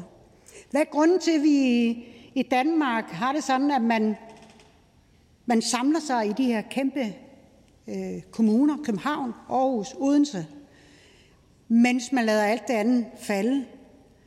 Altså, når vi taler om, hvordan vi får læger ud i områderne, så er det jo et infrastrukturproblem, man bliver nødt til at se på. Fordi det vil kunne løfte nogle af de områder, det vil løfte nogle af de mennesker, der bor derude. Jeg vil starte med øh, i, til selve forslaget at sige tak til konservative for at bringe det op, fordi vi har kæmpe store udfordringer på, på området, specielt visse steder i landet, som jeg har været inde på. Det her er noget, som vi også i Dansk Folkeparti arbejder meget på, også fordi det er noget, der ligger os meget nært. Specielt det at få en familielæge, og ikke blot, at det er et sundhedstilbud. Øh, jeg frygter, for som også der er spurgt ministeren, og med det her med at få flere uddannelseslæger, ja, at der er nogen, der tager imod dig. At der er regionsklinikker med udskiftning også af læger, som tager imod dig, som er i gang med en uddannelse, skal, som skal spørge en anden læge for at høre, om det er øh, den rigtige diagnose, eller om det er den rigtige behandling. Øh, at vi får et lappesystem i stedet for at finde ud af, hvordan sikrer vi, at der kommer rigtige, rigtige familielæger derud, eller i hvert fald nogle læger, der er der mere end et halvt år ad gangen. Nogen, der følger dig, når du bliver gravid, når du får født, men også når du kommer op med dine syge børn, øh, der kender dig, der kender din familie og kan tage hånd om det. Så er det rigtigt nok, at vi godt kan til andre problemer, hvor vi lige øh, skal have lavet et stik i fingrene, eller hvad det nu kan være, kan komme andre steder hen. Men det er det, man bliver nødt til at løse, i stedet for at vi bare hele tiden symptombehandler. Noget af det, som vi i Dansk Folkeparti har bedt om, det er, at man kigger på, hvordan kan vi gøre, at der kommer flere øh, borgere ind til den enkelte klinik. Fordi vi ved, at, øh, at der er rigtig meget øh, tryk på hos de læger, der er ude i de her områder. Vi ved også, at over 50 procent af dem, der øh, ringer og vil have fat i lægen, det er ældre mennesker, der er bekymrede. De begynder at føle sig svimmel. De øh, er faldet. De har ikke styr på pillerne, eller hvad det nu kan være. Og der ønsker vi jo øh, geriatriske sygeplejersker med selvstændig virke, som kan være en en øh, person, som netop tager ud også og taler med de ældre, ser hvordan de er og bor og så videre. Og det gør også, at lægen så kan tage flere andre patienter. Det er nogle af de ting, vi vil, sådan som man stadigvæk har en klinik, som kender de ældre godt, og det er den samme person, de møder og er trygge ved. Det håber vi at kunne være noget af det, man kunne tage med i, i det her udspil. I forhold til øh, selve Øh, forslaget her, så altså, vi er positive og stemmer ja. Men kunne vi lave en beretning, hvor vi også kigger på, hvordan sikrer vi, at dem, man så uddanner her, ikke bare flytter til Norge, fordi de ikke vil til Lolland? Fordi det er det, vi er nervøse for. Eller man bliver inde på et sygehus som almenmediciner, fordi man ikke kan få en praksis i København, eller lige præcis, hvor man nu vil have den, Gentofte, eller hvor det kan være. Altså, vi kan uddanne lige så mange, vi vil, men kan vi ikke tvinge dem til Lolland, eller til Esbjerg, eller til, hvor der ellers er, der savner. Tingbjerg mangler også, tror jeg. Men nogle af de steder, hvor der faktisk er udfordringer, det er det, der er vores problem, og det problem bliver vi nødt til at også i talsæt og tage fat i, for vi kan løse det med, at vi kan få en familielæge hver især. Tak. Hvem var det? Ja, radikal. Værsgo. Det glæder mig, at ordføreren taler ind i andre fagligheder til at aflaste den praktiserende læge. Fordi den praktiserende læge har jo rigtig mange opgaver. Nogle, der ligger mere naturligt end andre. Og nu nævner, du blandt andet, eller nævner øh, I blandt andet den geriatriske sygeplejerske. Men rigtig mange kommer jo også med hvad hedder det, noget, øh, muskel-skelet øh, problemstillinger, hvor den praktiserende læge ikke nødvendigvis er den bedste, har den bedste faglighed ind i det, så tænker øh, Dansk Folkeparti også på andre fagligheder til at supplere lægens kompetencer. Hvorfor? Bestemt. Altså, vi har jo også uh, lavet forslag herinde af et par omgange om, at man ikke skulle have en henvisning for at gå til fysioterapeut. Fordi det burde ikke være nødvendigt, og først skal til lægen og belaste lægens tid, få en henvisning, for bagefter komme til en fysioterapeut, der faktisk ved mere om muskel-skeletområdet. Og det kunne også være andre faggrupper end en fysioterapeut. En kiropraktor er der også mange, der øh, går hen til at få lavet røntgenbillede og faktisk får den behandling, de har brug for. Øh, og det er noget af det, vi bliver nødt til at se på. Alt skal igennem lægen. Det kan være, at vi skal aflaste noget, for at sikre, at der er andre kompetencer, der kommer i spil. Christina Thorholm? Nej. Så siger vi tak til fru Liselotte Blix. Der er ikke flere korte bemærkninger. Og går videre i ordførerrækken til fru Kirsten Norman Andersen, SF. Tak for det. Tak for ordet, og tak til Konservative Folkeparti for igen at fremsætte det her forslag. Øhm, jeg tænker, at det nok også giver mening, at jeg så genbruger en hel del af den ordførertale, som jeg allerede brugte sidste gang det samme forslag det var øh, fremsat. Vi tager i SF fortsat udfordringen med mangel på læger i den almene praksis dybt alvorligt, og et samlet folketing, inklusiv jeg selv, øh, stod der også bag den øh, store lægedækningsaftale, som vi indgik i januar 2070, havde jeg sagt, 2017, undskyld. En aftale, som netop også havde til hensigt at dæmme op for manglen på praktiserende læger. Men også en aftale, hvor jeg allerede dengang selv var med til at gøre gældende, at der stadigvæk er en udfordring, vi, øh, vi står overfor, og det er et langt sejt træk, øh, som vi stadigvæk øh, skal have løst. Det har den nye regering så også taget fat på øh, i aftaler om regionernes økonomi, hvor der også er adresseret øh, flere hoveduddannelsesforløb, hvilket også er et udtryk for, at øh, vi hele tiden trækker i den rigtige retning. Når De Konservative foreslår at øge antallet af hoveduddannelsesforløb i almen medicin, så mener jeg faktisk også, at partiet så at sige sparker en åben dør ind, for netop lægedækningen har jo haft rigtig stor sundhedspolitisk opmærksomhed og med rette. Særligt når det gælder uddannelse i almen medicin, er vi udfordret. Det er angiveligt ikke specielt attraktivt for unge læger, øhm, at de både skal købe en klinik og nedsætte sig i et område, og måske med udsigt til at være låst fast i et område i mange år frem i tiden. Ikke mindst i en tid, hvor at øh, vi tænker mobilitet på arbejdsmarkedet. Derfor øh, skal vi også overveje, om vi på anden måde kan dække behovet for almen praktiserende læger. I SF mener vi først og fremmest, at patienter skal have mulighed for at have deres egen praktiserende læge. Men hvorvidt egenpraktiserende læger ansat i regionen og bosiddende i en regionsklinik, måske sammen med nogle andre læger, er ikke afgørende for kvaliteten. Men nye ejerformer kan være afgørende for, hvordan vi i fremtiden kan tiltrække nye praktiserende læger.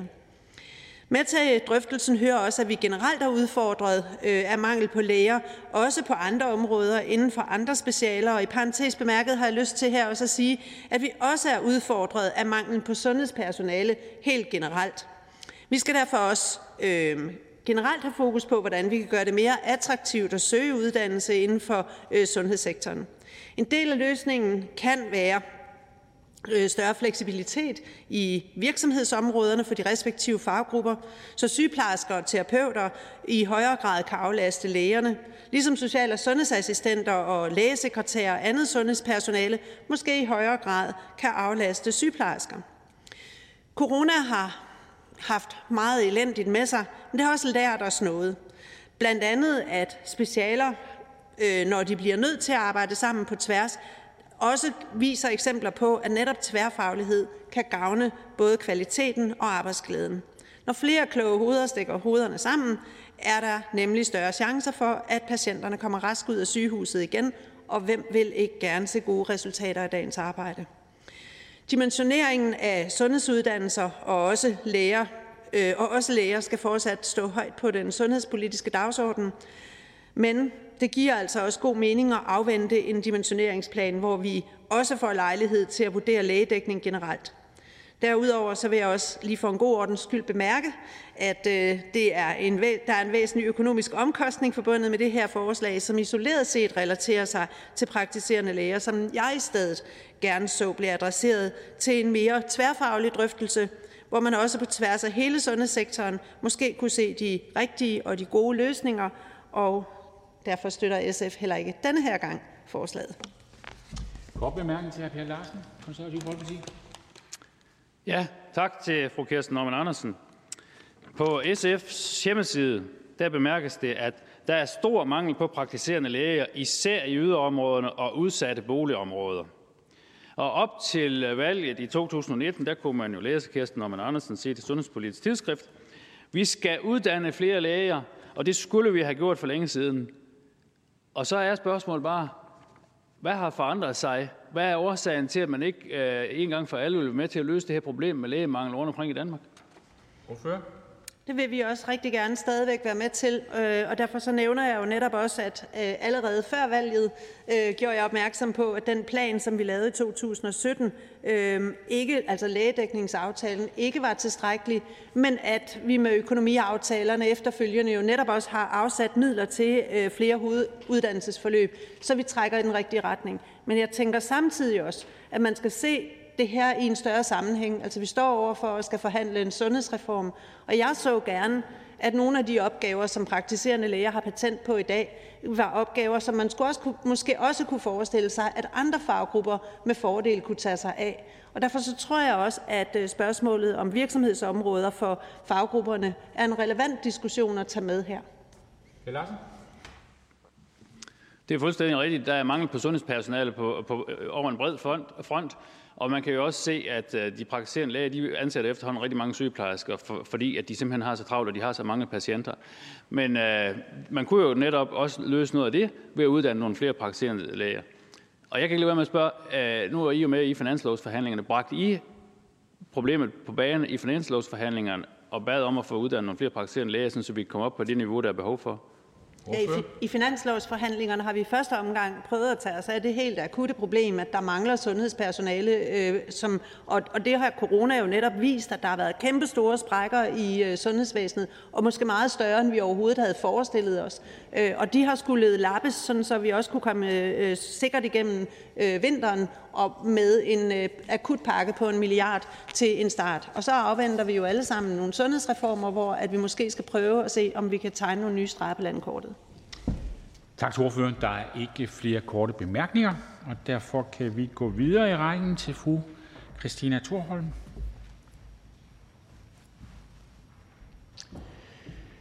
Radikale Venstre. Den praktiserende læge har en helt central funktion i det nære sundhedsvæsen i kontakt til borgerne. når denne enten skal har et almindeligt helbredsproblem eller har brug for en henvisning til den specialiserede behandling. Igennem de sidste mange år har alt for mange mennesker ikke haft en familielæge. Altså mere end 100.000 mennesker. Det kan vi ikke være bekendt, da familielægen skaber tillid og tryghed og bedre rammer for lighed i sundhed. Vi har brug for flere praktiserende læge. Alt for mange står uden, for, uden sådan en, men også fordi vi fremadrettet får flere behandlinger i det nære sundhedsvæsen. Fordi det, der ikke kræver en specialiseret behandling, skal ske i det nære miljø og ikke på hospitalet, som yder en højt specialiseret indsats. I det nære sundhedsvæsen vil der være flere borgere, der får behandling i samarbejde med en praktiserende læge, kommunens sundhedsmedarbejder som overvejende er sygeplejersker og social- og sundhedsassistenter, og i ambulant behandling på hospitalet. Og det betyder et øget behov for praktiserende læger. Yderligere så bliver vi ældre, og en øget, med en øget andel af en ældre befolkning, samtidig med, at flere mennesker lever med flere kroniske lidelser, hvilket igen fører til, øh, at flere har brug for kontakt til den praktiserende læge, da disse behandlinger skal ligge i det nære sundhedsvæsen, øh, hvor det blandt andet er vigtigt at fokusere på den forebyggende indsats, så det ikke bliver nødvendigt med en specialiseret behandling. Det er klogt at have en stærk almen praksis, hvor vi har let adgang til en familielæge for at forebygge og behandle sygdom, da det reducerer udgifterne til dyre indlæggelser.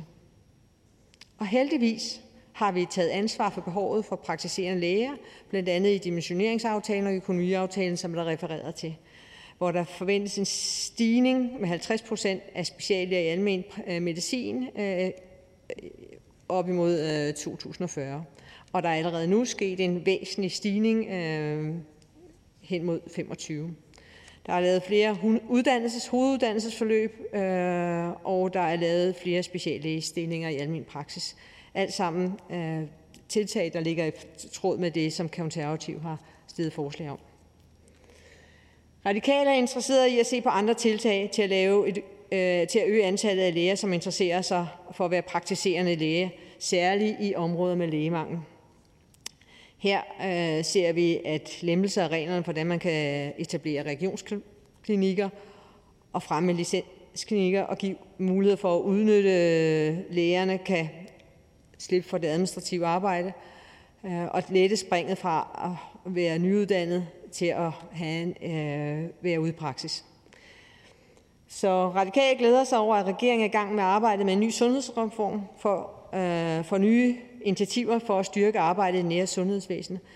For med øh, forbedrede behandlinger af mennesker med kronisk, eller for at forbedre behandlingerne øh, for mennesker med kroniske lidelser og vores ældre, har vi brug for øh, flere læger og det ser vi frem til. Der er en kort bemærkning til hr. Per Larsen, Konservativ Folkeparti. Ja, og tak uh, til ordføreren for ordførens tale, som uh, på mange måder indeholder nogle gode elementer. Men jeg synes jo ikke helt, I bliver til bolle, fordi altså, I skriver jo også på jeres hjemmeside, der mangler læger overalt i Danmark. Det giver utryghed for dem, der har brug for hjælp, og det er uacceptabelt i et velfærdssamfund, der bygger på fri og lige adgang til sundhedssystemet. Og så er mit spørgsmål så, hvorfor øh, vil I så ikke være med til at sikre, at vi kommer op på de 5.000 praktiserende læger, som PLO de jo har som prognose for det, der bliver behov for fremadrettet, på grund af demografien og på grund af, at man også gerne vil styrke det nære sundhedsvæsen og løse nogle flere opgaver ude i det nære? Hvorfor? Jamen, øh, vi forventer, at det kommer til at indgå i Øh, dialogen eller forhandlingerne omkring sundhedsreformen. Og så synes jeg, at det, vi har talt om, eller flere ordfører har talt om, at, at tale ind i, hvem, hvad for nogle opgaver kan andre faggrupper løse i samarbejde med praktiserende læger, øh, sådan at presset på den enkelte læge bliver øh, mindre. Vi får brug for flere, og det mener vi kommer til at lægge i forhandlingerne af sundhedsaftalerne. Så siger vi tak til ordføreren. Der er ikke flere korte bemærkninger. Og vi går videre i rækken til hr. Peder Hvelplund, Enhedslisten. Tak for det, formand. Øh, jeg vil godt starte med lige at præcisere, hvad jeg også har hørt tidligere ordfører har sagt, at øh, det her det er jo reelt set en genfremsættelse, og det synes jeg da også man måske bør overveje, øh, hvor mange gange man, man genfremsætter et forslag, uden at det reelt set er nyt i forhold til det. Men, øh, men det ender jo ikke på, at det er en, øh, det er selvfølgelig en, en væsentlig diskussion, og derfor er det også øh, fornuftigt nok, at, øh, at vi får den. Øh, altså spørgsmålet om øh, praktiserende læge, der er jo ikke nogen tvivl om, at vi kommer til at mangle øh, ikke bare almen praktiserende læger eller almen mediciner, men vi kommer til at, at, at mangle læger øh, fremover. Derfor så er det også øh, væsentligt at sikre, at, øh, at vi har øh, tilstrækkelig tilsøgning til det. Og derfor handler det her jo ikke kun om at sikre flere øh, hoveduddannelsesstillinger. Øh, det har vi jo gjort en indsats for at få, øh, og det synes jeg er fornuftigt. Men det handler jo i lige så høj grad om at sikre, at øh, vi har nogle gode arbejdsvilkår for, for de læger, der skal ud og arbejde, og derfor at vi også sikrer, at der bliver tilstrækkelig stor øh, tilsøgning til, til, til hoveduddannelsesstillingerne. Og derfor så handler det her jo også om at gøre det mere attraktivt at fungere som almen praktiserende læge øh, ved for eksempel at forbedre arbejdsmiljøet. Øh, det handler både om lukkegrænserne, øh, som vi i enhedslisten klart er imod, at, at, øh, at man hæver, fordi vi jo allerede i dag ved, at, at øh, der er et problem med arbejdsmiljøet for mange øh, almen praktiserende læger. Øh, der er både stressproblematikker, øh, de møder langt større kompleksitet i de sager, øh, både i forhold til, til multisyge ældre medicinske patienter, øh, men jo også i det hele taget øh, øh, hvad hedder det, patienter med, med, med psykiske lidelser og, øh, og, og patientgrupper, som i det hele taget har en højere grad af kompleksitet. Øh, og det, det er jo en problematik, som vi formentlig også kommer til at se være, være stigende i, øh, i de kommende år, også med, med, med det pres, der kommer på det nære sundhedsvæsen. Så derfor så handler det jo også om at sikre, at vi får et, øh, et bedre arbejdsmiljø for de almindelige praktiserende læger, og der ved vi jo, at noget af det, der bliver efterspurgt, blandt andet også for yngre læger, Øh, at det, der kan gøre det attraktivt at komme ud i, i almen praksis, det er at sikre, at der både bliver mulighed for højere grad af faglig sparring, øh, at man ikke nødvendigvis skal have et arbejdsgiveransvar, øh, hvor man skal sidde med en, en lang række administrative opgaver, øh, og at der også stadigvæk kan være mulighed for at, at lave forskning for eksempel. Øh, og derfor så synes jeg også, det er oplagt at se på, på muligheden for at frisætte øh, regionsklinikkerne øh, og netop sikre, at, øh, at der bliver de delte stillinger.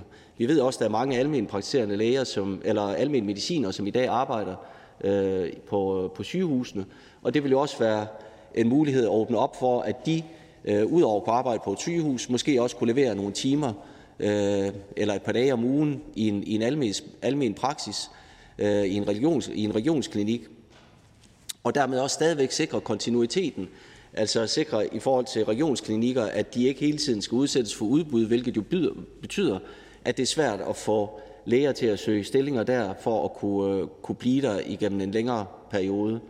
Øhm, så derfor så, så synes jeg, det var oplagt at se på muligheden for at, at frisætte øh, regionsklinikkerne, for netop også at sikre nogle bedre muligheder for den nye generation af almen mediciner og, og gøre det mere attraktivt at kunne arbejde i, øh, i almen praksis. Øhm, så, så udover de tiltag, som der allerede er taget, så, så mener jeg, at der er en, en øh, række ting, som vi kan gøre for at både forbedre arbejdsmiljøet, men også gøre det mere attraktivt at, og arbejde som, som almen mediciner ude i, øh, i praksis. Øhm, og så bliver vi selvfølgelig også nødt til at, at, at kommentere, at, at, øh, at forslaget her jo betyder en, en, en udgift, øh, som, som der ikke er anvist øh, finansiering for. Og det, øh, det synes jeg måske også er lidt frisk nok, at, at et parti, der ellers påberåber sig økonomisk ansvarlighed, øh, at man fremvis, fremsætter et, et forslag uden Øh, og anvise øh, finansiering til det. Øh, men samlet set betyder det også, at vi kommer ikke til at bakke op om det her forslag, men er sådan set enige i, i problematikken, men mener, at, at der også skal ses bredere på det, og der er nogle andre løsningsmetoder, der skal tages i brug. Der er en kort bemærkning til Per Larsen, Konservativ Folkeparti. Ja, tak for det, og tak øh, for ordførens tale. Øh, da vi sidste år diskuterede øh, emnet, fordi det er rigtigt, det er en genfremsættelse, og det bunder lidt i, at øh, statsministeren rent faktisk havde emnet med i hendes nytårstale, og der blev jeg jo så glad, så jeg tænkte, nu prøver vi lige en gang til, fordi hvis det er sådan, at Socialdemokratiet de har ændret holdning, så skal de jo have mulighed for det. Men øh, da vi diskuterede det sidste, der, der sagde øh, fru Pernille Skipper, manglen på almen praktiserende læger er en stor trussel mod ulighed i sundhed. Og det er jeg fuldstændig enig med fru Pernille Skipper i. Og mit spørgsmål er så, bragte I i enhedslisten nogle forslag på bordet, da I forhandlede finanslov? Fordi der var der rent faktisk forhandlinger om 1,2 milliard. Det her, det koster i 22 38 millioner. Altså ganske små penge i forhold til de 1,2 milliarder, der var til forhandling i finansloven. Hvorfor? Øh, bare lige et, et godt råd til den konservative ordfører. Altså, hvis man er i tvivl om, om et parti har bevæget sig i en anden retning, så er det jo muligt at rette henvendelse til det parti og så spørge efter, om, øh, om der var mulighed for at presse øh, en politisk løsning igennem. Men, men fair nok. Øh, jamen, altså udover finansieringsdelen, så er der jo ikke kun tale om, at det er en, en enkelt udgift i et år. Det skriver øh, forslagstilleren jo også selv i, i forslaget. Men, men udover det, så, så er det her jo et spørgsmål om, at vi bliver nødt til at se bredere på det her, fordi problematikken med at, at skaffe øh, læger både i udsatte områder, øh, boligområder og også i tyndt befolkede områder, det, det løses jo ikke alene ved at oprette flere hoveduddannelsesstillinger. Det løses jo ved at gøre det mere attraktivt at komme til at, at arbejde i de områder. Og det kan jo for eksempel være det, altså muligheden for at kunne oprette regionsklinikker. Øh, det har vi jo set i, i udkantsområder, altså steder, hvor der både er mangel på almindelige praktiserende læger, men hvor der også er mangel på, på speciallæger på sygehusene. Der har der været muligheden for at, at frisætte regionsklinikkerne og, og undtage dem for den, øh, den tvang, der er til, at de skal i udbud øh, med en vis kadence. Øh, og det kunne jo netop være en af de muligheder, der kunne være for at sikre øh, større tilsøgning dertil. Hr. Per Larsen, værsgo. Når jeg hører ordførens øh, tale omkring regionsklinikker, så bliver jeg en lille smule øh, nervøs for kontinuiteten. Fordi typisk så er regionsklinikker jo noget, som, hvor der øh, typisk er nogle måske pensionerede læger, som søger nogle, øh, nogle timer om ugen. Øh, det kan være nogen, øh, som måske slet ikke er uddannet som almindelig mediciner, men som måske er røntgenlæger, som øh, lader sig ansætte i de der klinikker. Øh, er ordføreren ikke enig med mig i, at hvis man har en praksis med et ydernummer, og dertil 1600 patienter eksempelvis, som typisk er det, vi ser, at det giver en bedre kontinuitet for patienterne? Ordfører, værsgo. Men det er jo et politisk valg, at vi har brudt den kontinuitet, fordi det er jo fordi, vi pålægger dem, at de skal ud i udbud hver anden år. Øh, altså, vi ved jo, at der er stor efterspørgsel, også fra yngre læger, i forhold til at sikre mulighed for en ansættelse, hvor man ikke er underlagt arbejdsgiveransvar, hvor der er mulighed for forskning, hvor der er mulighed for kollegial sparring, og det er jo lige præcis det, man kunne sikre i regionsklinikker, hvis man frisætter dem, og dermed så vil det også give muligheden for en større grad af kontinuitet. Vi siger tak til ordføreren. Ikke flere korte bemærkninger. Og da jeg ikke ser flere ordfører ud over forslagsstilleren,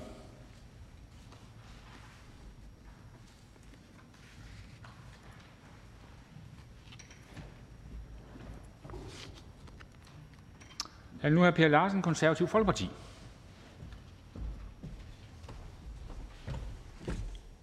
Tak for det, formand, og tak for de faldende bemærkninger øh, til vores øh, forslag. Alt for mange danskere ikke har mulighed for at få deres egen praktiserende læge. Det var statsministerens ord på den første dag i det nye år, og der blev jeg selvfølgelig rigtig, rigtig glad. Vi har jo haft mangel på praktiserende læge i alt for mange år, som også flere ordfører har nævnt.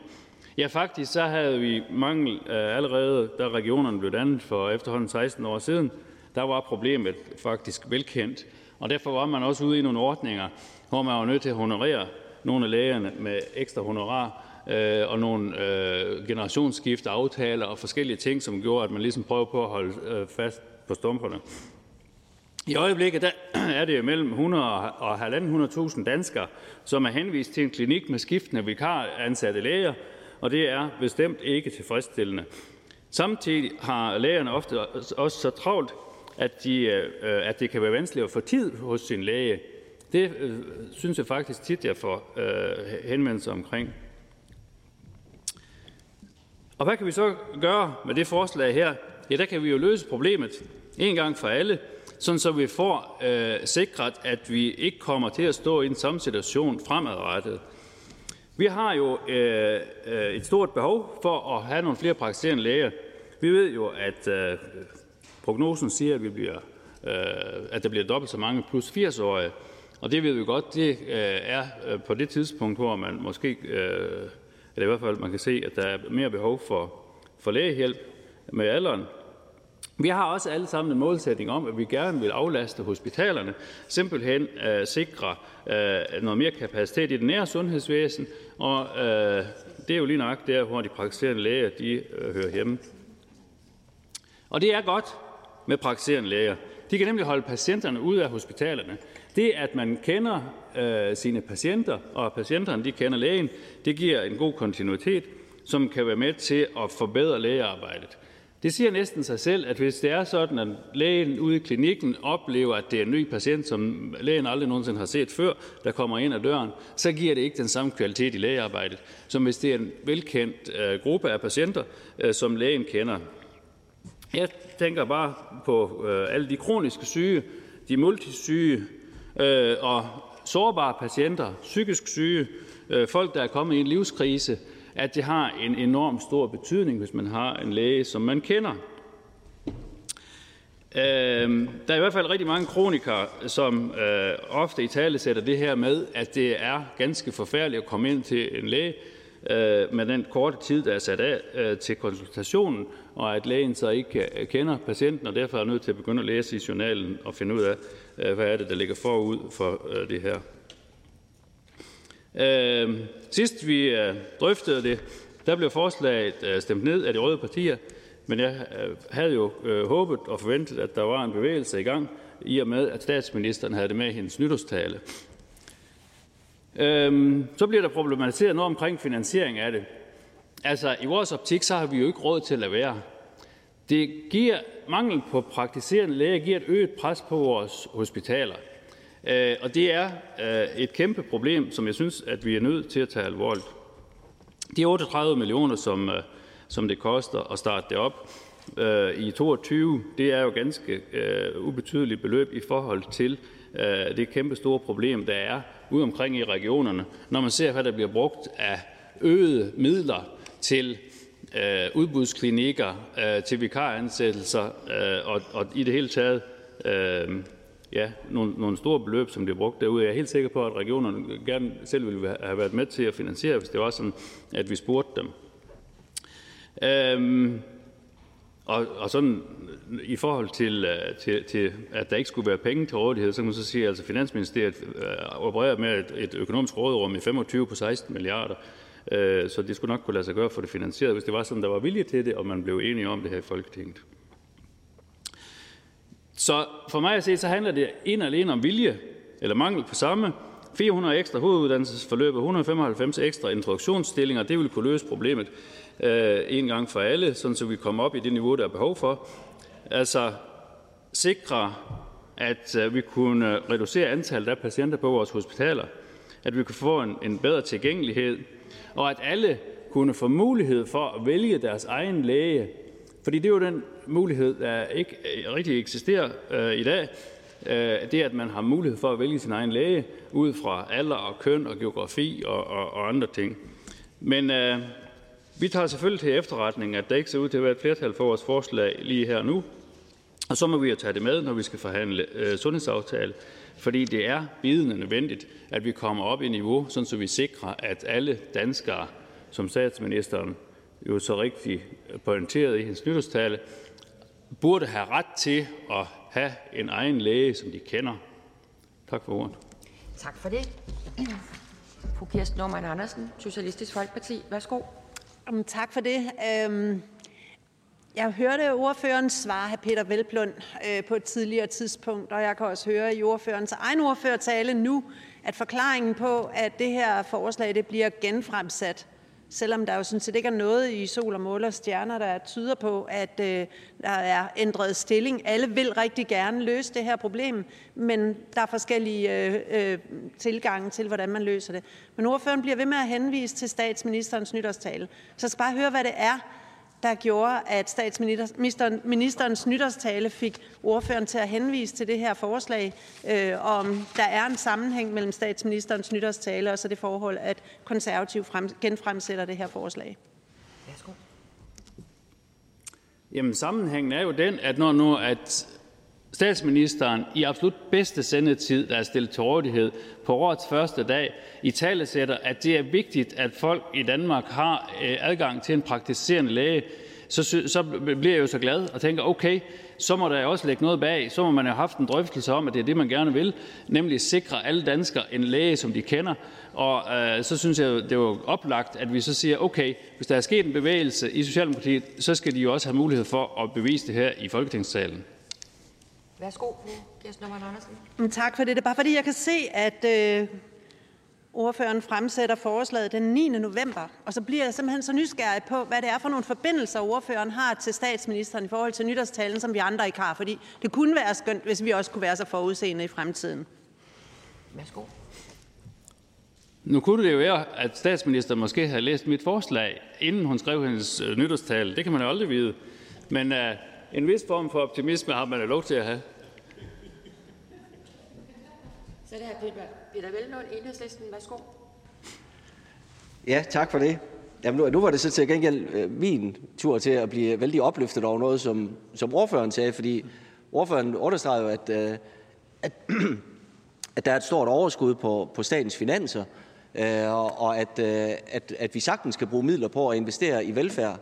Øh, og så skal jeg bare høre, om det er, sådan er en generel betragtning hos øh, det konservative folkeparti, at øh, vi nu står i en situation, hvor vi rent faktisk kan investere i velfærden, og om det også betyder, at det konservative folkeparti så vil være villige til at stemme for en, en velfærdslov, hvor vi netop sikrer, at, at midlerne følger med til, det stigende, til de stigende udgifter, eller er det bare lige en enlig svale i forhold til det her forslag?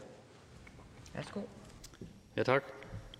Uh, nu er velfærdsloven jo ikke uh, noget, der er dyrket i vores have, og uh, i forbindelse med uh, drøftelse af, om vi skal have nogle flere praktiserende læger, så mener jeg simpelthen ikke, at vi har råd til at lade være.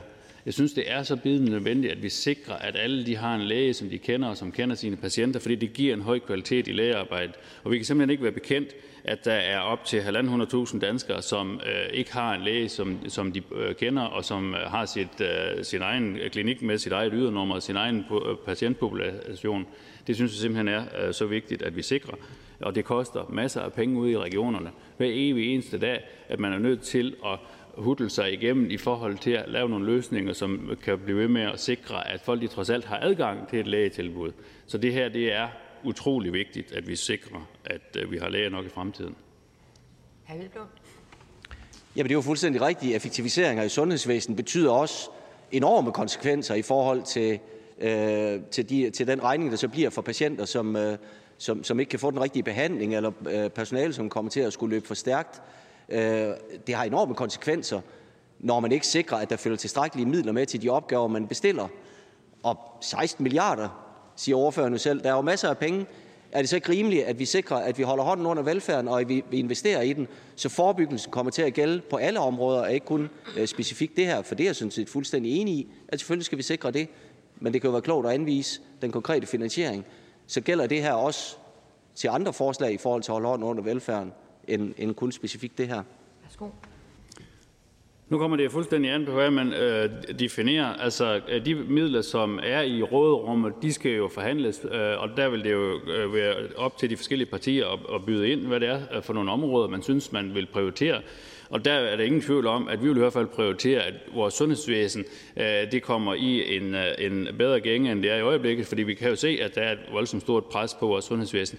Ikke kun på grund af covid, men der simpelthen er, øh, vi, ambulancerne kører mere, end de nogensinde har kørt.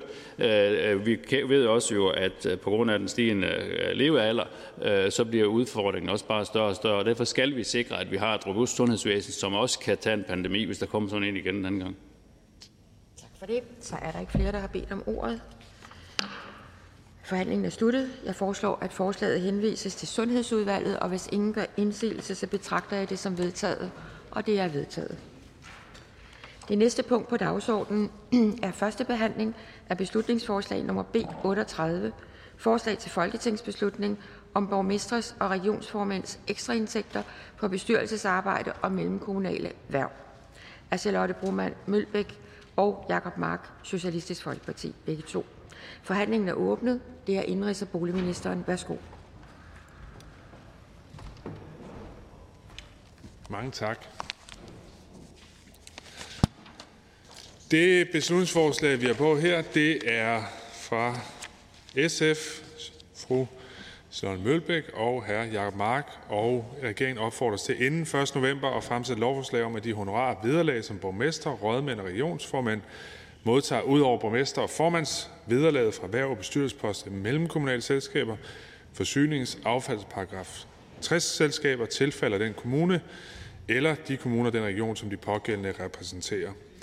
Som vederlagsreglerne er i dag, for borgmester, magistratsmedlemmer, formand for ledende udvalg i kommuner med delt administrativ ledelse og regionsformand er et fuldtidsvederlag til varetagelse af dette værv. De får et fuldtidsvederlag skyldes, at værvet omfatter funktionen som øverste daglig leder af den kommunale henholdsvis regionale forvaltning eller en del af denne.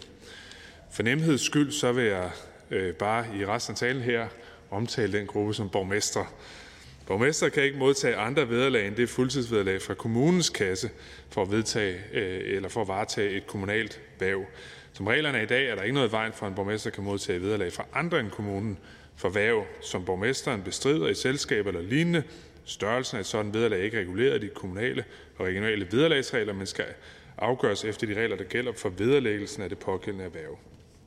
Varetager en borgmester således en bestyrelsespost i et aktie- eller anpartsselskab, der er omfattet af selskabsloven, vil vederlæggelsen af værvet ske i medfør af reglerne herom i selskabsloven, medmindre de efter sektorlovgivningen gælder særlige regler. Kommunale fællesskaber er ikke privatretlige selskaber omfattet af selskabsloven, men offentlige myndigheder. Vederlag for varetagelse af en bestyrelsespost i et kommunalt selskab skal derfor fastsættes i det kommunale fællesskabs vedtægter.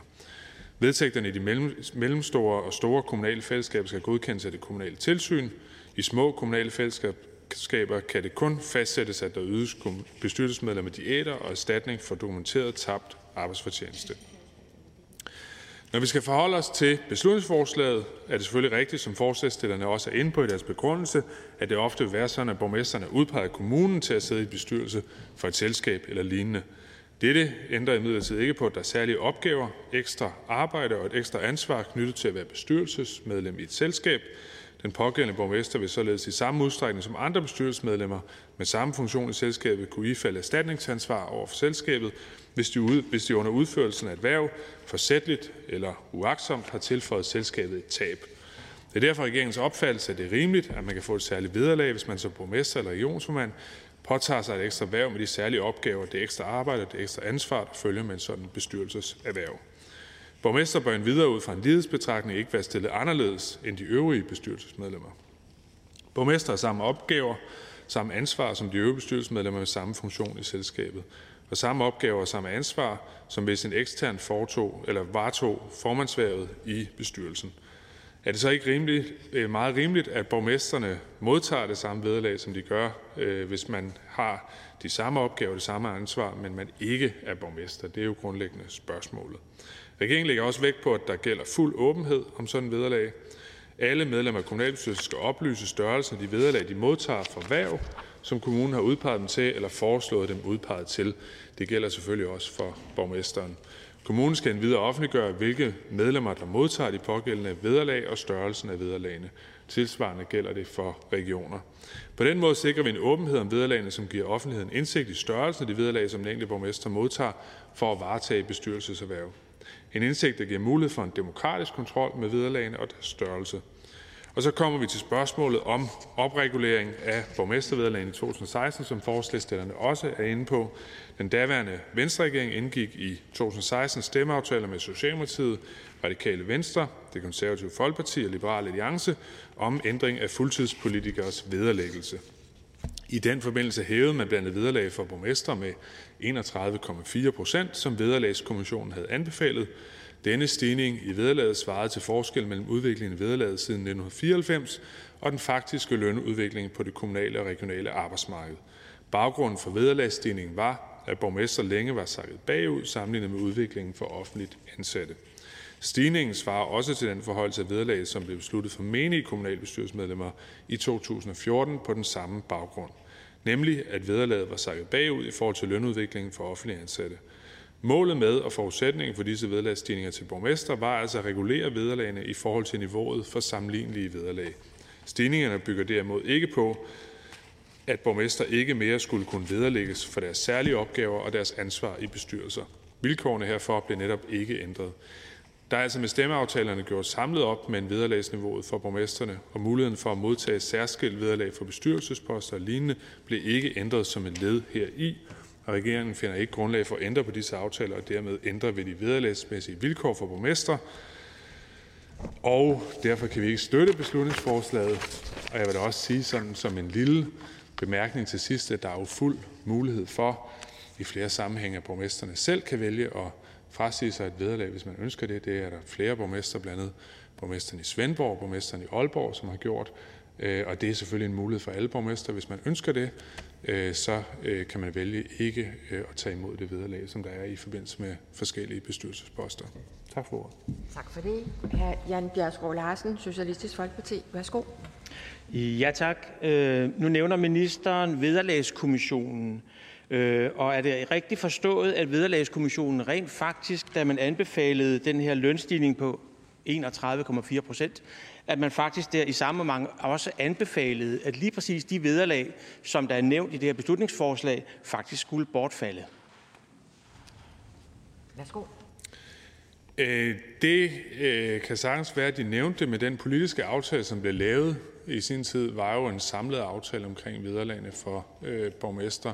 Grunden til, at man opregulerede det, det var, øh, at man var sakket bagud i forhold til det offentlige arbejdsmarked. Ikke, øh, ikke engang det private arbejdsmarked, men altså de offentlige ansatte, som borgmesterne jo leder. Øh, og man kan sige, hvad får man som borgmester i en lille kommune måske? Jeg tror, det er 800.000 kroner om året i løn.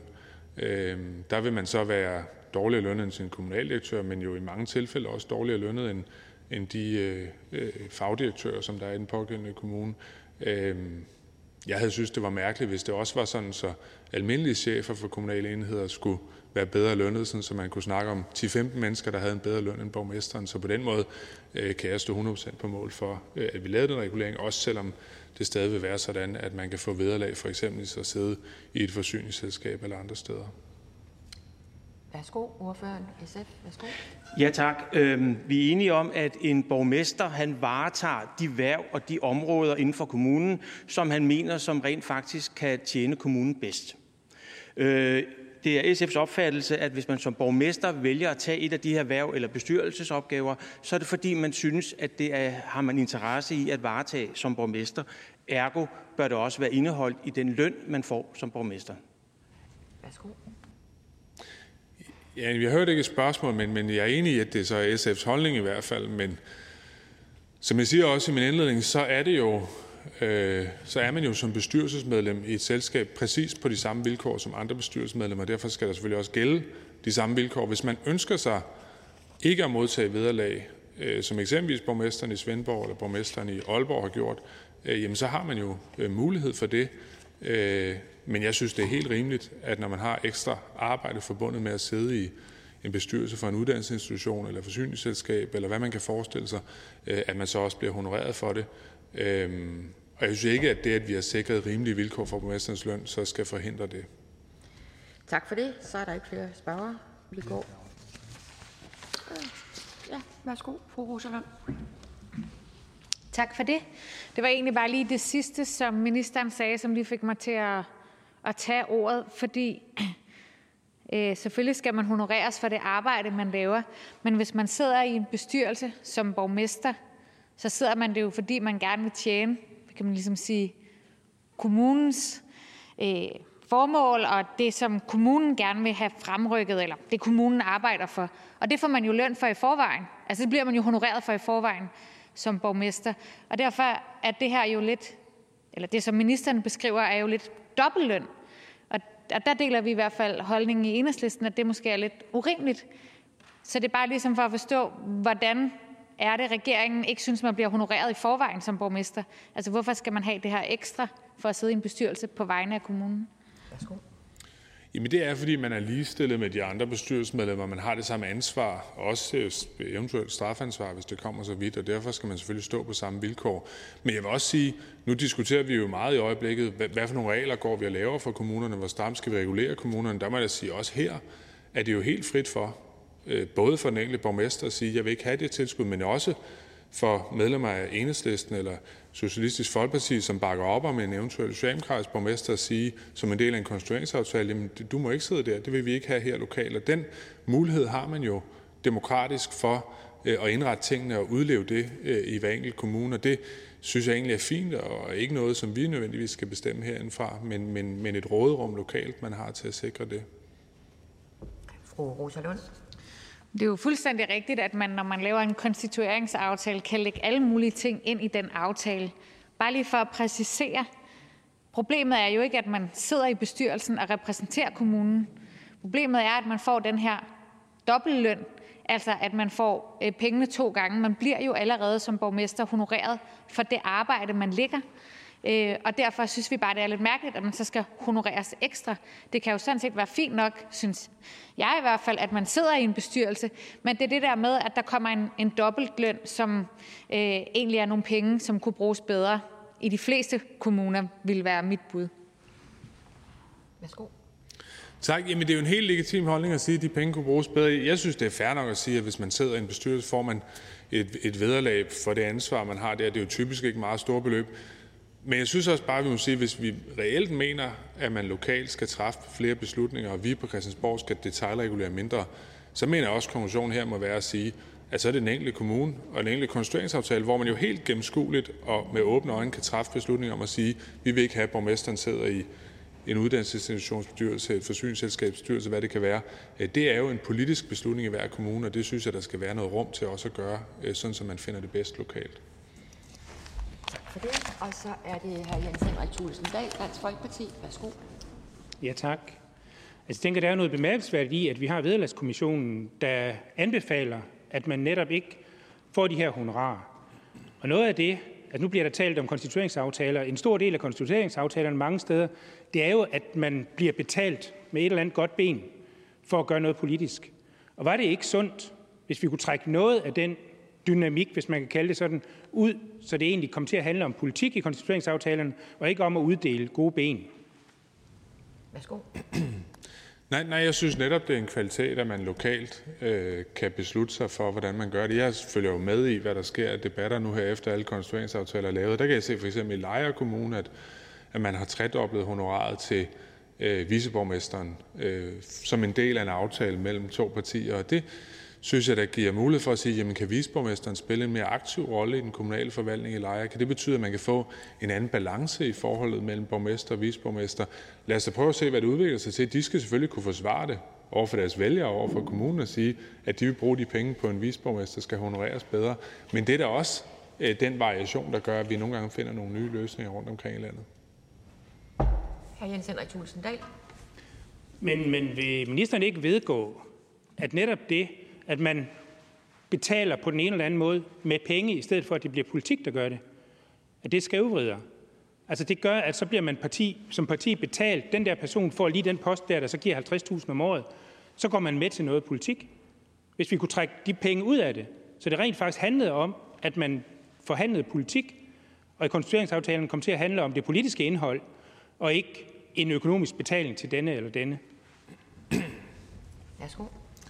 Jamen det, det kan man godt gøre, men det vil jo betyde, at man skulle fjerne helt øh, den struktur, vi har med udvalgsformænd. og øh, ikke, Bestyrelsesposterne er jo en lille del af den samlede indsigt, man har som kommunalbestyrelsesmedlem. Man har et grundlederlag, og så har man jo nogle ret attraktive, for eksempel udvalgsformandsposter. De jo overgår jo langt. I, I næsten alle kommuner overgår de jo langt de tilskud, som man, eller det vederlag, man får for at sidde i forsyningsselskab eller andre steder så skulle man jo rulle det tilbage i hvert fald, hvis man vil have den, den ordning fuldt ud. For jeg tror, at der er mange konstitueringsaftaler i dag, der bliver lavet på den måde, at også hvem der får hvilke udvalg, og hvor meget man får som udvalgsformand, at det har en betydning for, hvordan man laver konstitueringsaftalerne.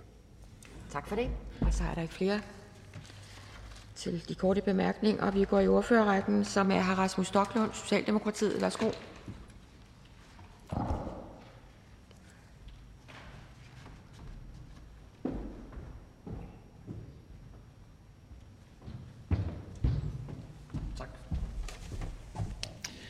Jeg er her som vikar for vores ordfører, Birgitte Vind, der desværre ikke kan være her. Dette beslutningsforslag fra SF handler om, at visse honorar og vederlag, som borgmester, rådmænd og regionsformænd modtager, i stedet skal tilfalde den kommune eller de kommuner og den region, som de pågældende repræsenterer. Det gælder honorarer og vederlag for værv og bestyrelsesposter i mellemkommunale selskaber, forsynings-, affalds- og paragraf 60 selskaber. En vedtagelse af forslaget vil gøre det mindre sammenhængende, hvordan vi honorerer visse kommunale regionspolitikere. Det er der flere grunde til. For det første finder vi det rimeligt, at en borgmester eller regionsrådsformand, som påtager sig en ekstra opgave og dermed et ekstra ansvar, honoreres for det. Det er ikke uden omkostninger i form af tidsforbrug eller uden ansvar at sidde i bestyrelser. I øvrigt er der jo fuld åbenhed om, hvad borgmester, rådmænd og regionsformænd modtager i vederlag eller honorar. Det gælder i øvrigt også for menige medlemmer af kommunalbestyrelser eller regionsråd. Så der er altså ikke nogen tvivl eller hemmelighedskrammeri i den her sammenhæng om, hvem der modtager hvad. For det andet så hænger det ikke helt sammen, at forslaget begrænser sig til borgmester, rådmænd og regionsformænd. Hvis man ville være konsekvent, så ville logikken jo være, at menige medlemmer af kommunalbestyrelser eller regionsråd heller ikke skulle have et honorar. Den skændning mellem eksempelvis borgmester og kommunalbestyrelsesmedlemmer finder vi ikke rimelig. Endelig ville det være specielt, at der ville være enkelte medlemmer af en bestyrelse, der ikke modtager et honorar, mens de øvrige gør. Og derfor så kan Socialdemokratiet ikke støtte øh, beslutningsforslaget. Tak for det. Der er ingen kommentarer, så vi går videre til Venstres ordfører, fru Anne Mathisen. Værsgo.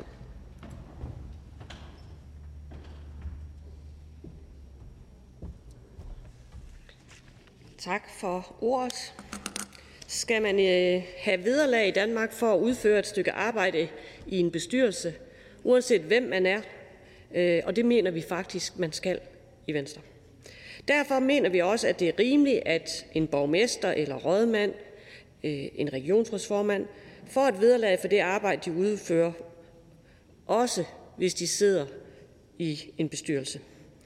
Når SF i dag foreslår, at vi fjerner aflønningen af borgmester, rådmænd og regionsrådsmænd, for eksempel øh, i forbindelse med en bestyrelsespost, og i stedet giver pengene til den kommune eller til den region, som de repræsenterer, så er vi også øh, nødt til at stille os selv et væsentligt spørgsmål. Altså, ønsker vi også i fremtiden, at kompetente kræfter er motiveret for at lægge timevis af arbejde og dedikation i at løfte de vigtige opgaver, som for eksempel en bestyrelsespost i et kommunalt selskab.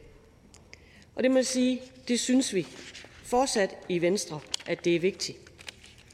Jeg tror helt grundlæggende på, at også en økonomisk guldråd kan være et incitament til mennesker til for den sags skyld også at gøre en ekstra ihærdig indsats. Så alt i alt må vi sige, at øh, beslutningsforslaget, som SF kommer med i dag, kan vi ikke støtte fra Venstres side. Tak for det. Vi går videre i ordførerrækken. Hr. Jens Henrik Thulesen Dahl, Dansk Folkeparti.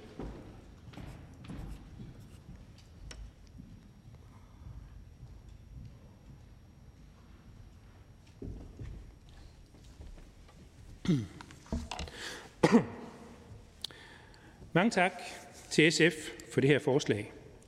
Når man er borgmester eller regionsrådsformand, så er det et fuldtidsjob med en i og for sig ganske god løn. Derfor er det helt åbenlyst, at man ikke bør få ekstra indtægter ved at bestride de funktioner, som følger med jobbet. Det står derfor helt klart, at der er behov for at se på, hvilke ekstra indtægter der er for borgmester og regionsformænd.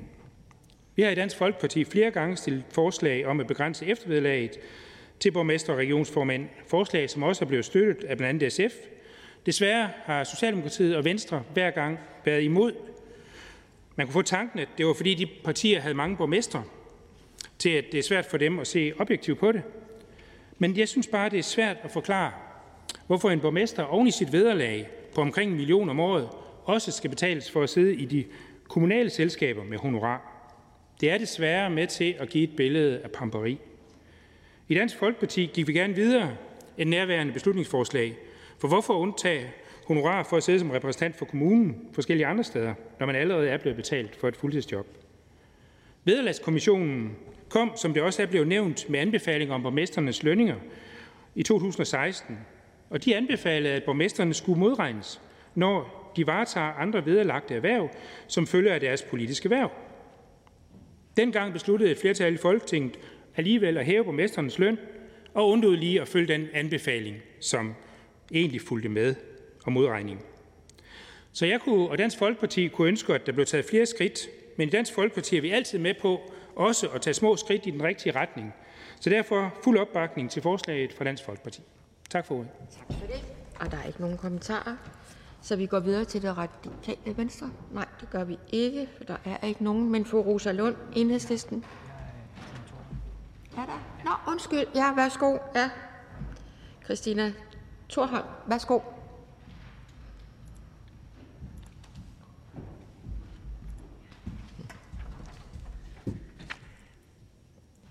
Radikale Venstre bakker i princippet op om SF's forslag. Borgmesternes lønninger blev hævet for et fuldtidsvederlag øh, ja, i 2016, og mange borgmestre får øh, omkring et, øh, 1 million i vederlag. Øh, så der er reguleret, løn er reguleret, så det højere grad står øh, mål med ansvar. Det bliver så rigtig nævnt, at øh, Vederlagskommissionen havde nogle anbefalinger, som Folketinget ikke fulgte. Det her giver jo anledning til, at vi igen diskuterer, hvordan øh, borgmestre bliver afregnet for ekstra poster. Øh, det glæder vi os til at indgå i forhandlinger om, da vi øh, mener, at der skal være en proportionalitet i det her, øh, og at der blev taget stilling til borgmesternes løn tilbage i 16. Tak for det. Der er ikke nogen kommentarer. Så det er fru Rosa Lund, Enhedslisten.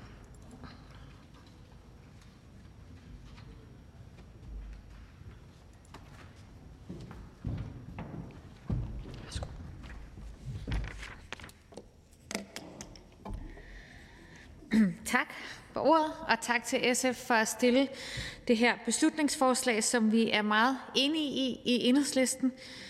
Øh, vi mener, at øh, det er rigtig vigtigt, at vi fastholder, at borgmestre og rådmænd de har et hovedværv, nemlig det, de er valgt til af borgerne, af vælgerne, nemlig at være borgmester eller rådmand. Og i, den, i det værv, der kan man jo godt få diverse andre poster, som følger med. Men det, vi synes, der er mærkeligt, det er, at man så skal honoreres ekstra for at gøre noget, som egentlig følger med det øh, job, man har i forvejen. Jeg er fuldstændig enig med Dansk Folkepartis ordfører, øh, hr. Jens Christian Tulsendal, når han siger, at det skaber et billede af pamperi. Og jeg mener sådan set, at det er det sidste, borgmesterværet eller i det hele taget politikerværet har brug for er, at der bliver skabt et billede af pamperi og et billede af, at både borgmestre og rådmænd, men sådan set også ministre og folketingspolitikere, kun laver det, vi laver for at male vores egen kage. Jeg mener sådan set, det er præcis det modsatte, vores demokrati har brug for. Og derfor så kan vi i enhedslisten bakke varmt op om det her forslag, og vi mener generelt, at vi bør tage en diskussion, som går ud over det, Vederlagskommissionen er kommet frem til, om hvordan vi får gjort op med de lukrative fordele, der er både på vederlagsfronten, hvis man kan sige det, øh, men også i forhold til pension, også i forhold til bijob og biværv. Det er jo desværre sådan, at øh, selvom Danmark jo er et land, som ikke har særlig høj grad af korruption, så er vi alligevel et land, som ryger længere og længere ned af de ranglister, hvor man måler, hvilke lande der er mest demokratiske, og hvilke lande hvor der er mest gennemsigtighed om pengestrømmene i dansk politik. Og jeg synes desværre, at det, at man kan tjene dobbelt, når man er borgmester eller rådmand, det skriver sig ind i en fortælling om, at der ikke er gennemsigtighed, og at øh, os, der beskæftiger os fuldtid med at lave politiske forandringer, vi kun gør det for at male vores egen kage. Så jeg synes sådan set både øh, rent principielt, at det er en dårlig idé, men jeg synes, at, altså, jeg synes også, at det taler sig ind i en fortælling, som vi har et ansvar, også på Christiansborg, for at gøre op med. Og derfor kan enhedslisten varmt støtte beslutningsforslaget. Tak for det. Der er ikke nogen kommentarer, så vi går videre til fru Birgitte Bergmann, Konservativ Folkeparti.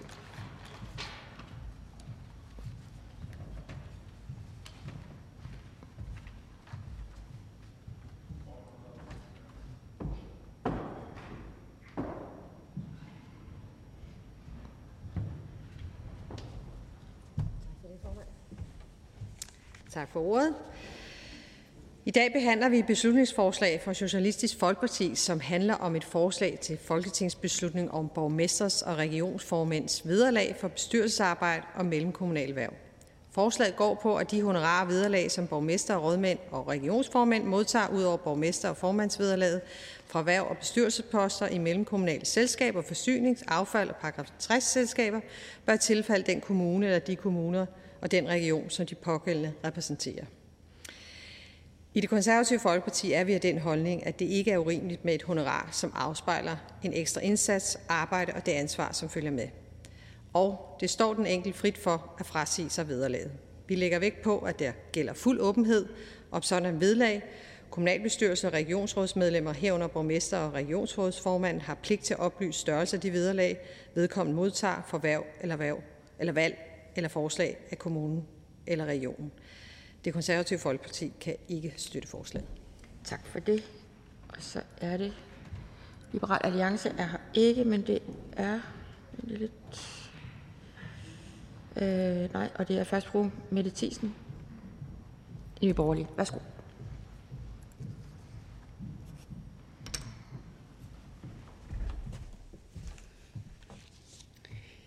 Jeg kan sådan set øh, tilslutte mig rigtig meget af det, der blev sagt, øh, blandt andet fra øh, Dansk Folkepartis øh, ordfører, og, og kan egentlig gøre det ganske kort. Når man er valgt som borgmester, så har man fået et stort tillidsværv. Så skal man passe sit arbejde. Ikke øh, gå efter de gode ben alle mulige andre steder. Så skal man koncentrere sig om det, man er valgt til af borgerne. Så lad det være ordene herfra. Tak for det. Og det ser ikke ud som om, at resten af partierne er til stede, så derfor er det ordfører for forslagsstillerne, hr. Jan Bjergskov Larsen, Socialistisk Folkeparti. Værsgo. Ja, mange tak. SF's argument for at stille det her forslag, det handler jo grundlæggende om, at lige præcis de poster, som vi har nævnt, borgmester, rådmænd og regionsrådsformand, har fået en lønstigning på ca. 31,4 procent tilbage i 2016.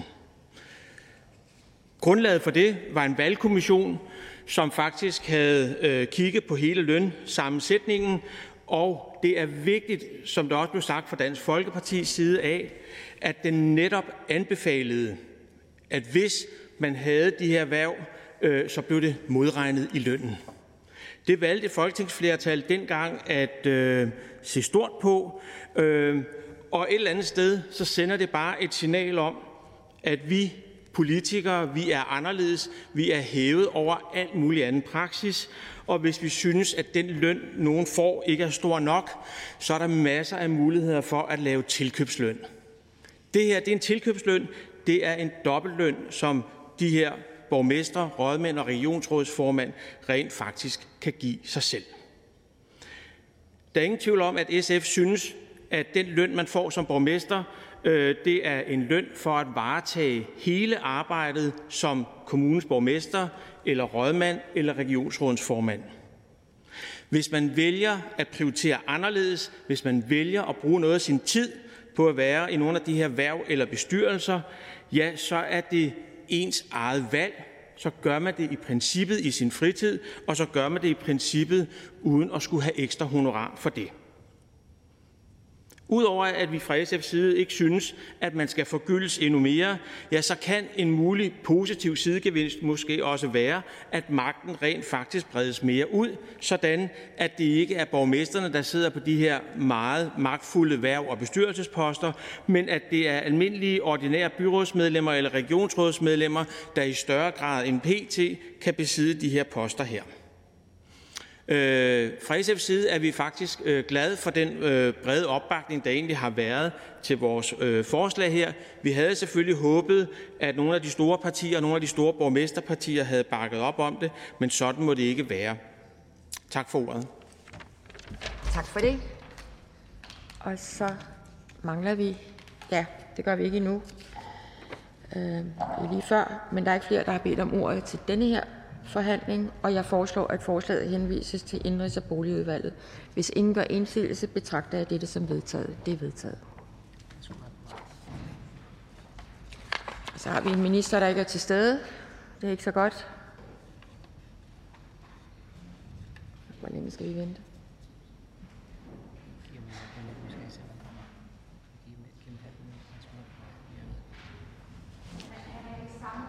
Ja, men altså, det er Folketingssalen, der er vigtigt. Det må jeg bare præcisere.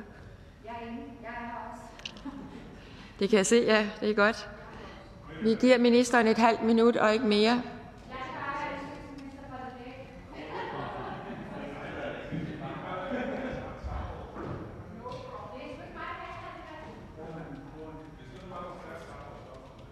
Det er utilstedeligt.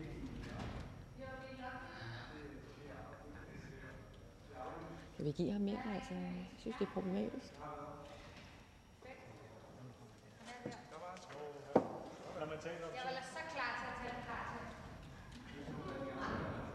Ministeren blev sætte det lange ben foran. Det er utilstedeligt, at en minister ikke er til stede i Folketingssalen, når vi skal stå og vente.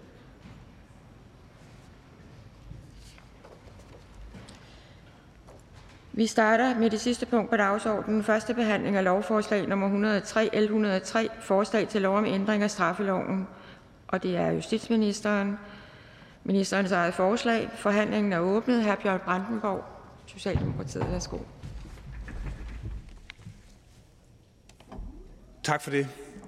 Det øh, lovforslag, som vi skal behandle nu, det overholder, indeholder som øh, overskriften afslører øh, en kriminalisering af identitetsmisbrug. Identitetsmisbrug kan øh, måske lyde lidt teknisk, men det dækker over noget, som kan opleves både meget ubehageligt og meget indgribende for de mennesker, som blev udsat for det, nemlig tyveri af ens person, af ens identitet. De fleste har nok prøvet at få stjålet noget.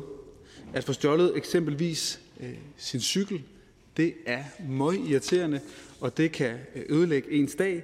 Men når vi taler om identitetstyveri, så taler vi i stedet om, at nogen måske over længere tid ikke har taget en, en ejendel fra dig, men har taget din person fra dig. De har taget dit billede, og de har ageret i dit navn. De har foretaget sig en masse ting på nettet, kontaktet andre mennesker, og måske opført sig ubehageligt, uden at der som sådan er tale om noget egentlig strafbart. De er blevet en vision af dig, og du har på ingen måde mulighed for at kontrollere det eller for at stanse det. Det må være helt enormt ubehageligt og utrygt at blive udsat for, og det er desværre noget, der øh, den dag i dag sker alt, alt for ofte.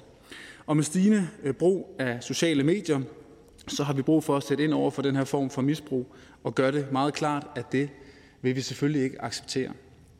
Vi har allerede i dag regler mod identitetsmisbrug, men de dækker ikke de her nye former for tyveri, hvor det ikke handler om at opnå noget øh, øh, for at, at få en økonomisk øh, vinding. Og derfor var det også et meget, meget vigtigt skridt, da regeringen sammen med SF, Radikale Venstre og Enhedslisten i foråret lancerede det initiativ om kriminalisering af identitetstyveri, som nu udmyndtes i det her lovforslag.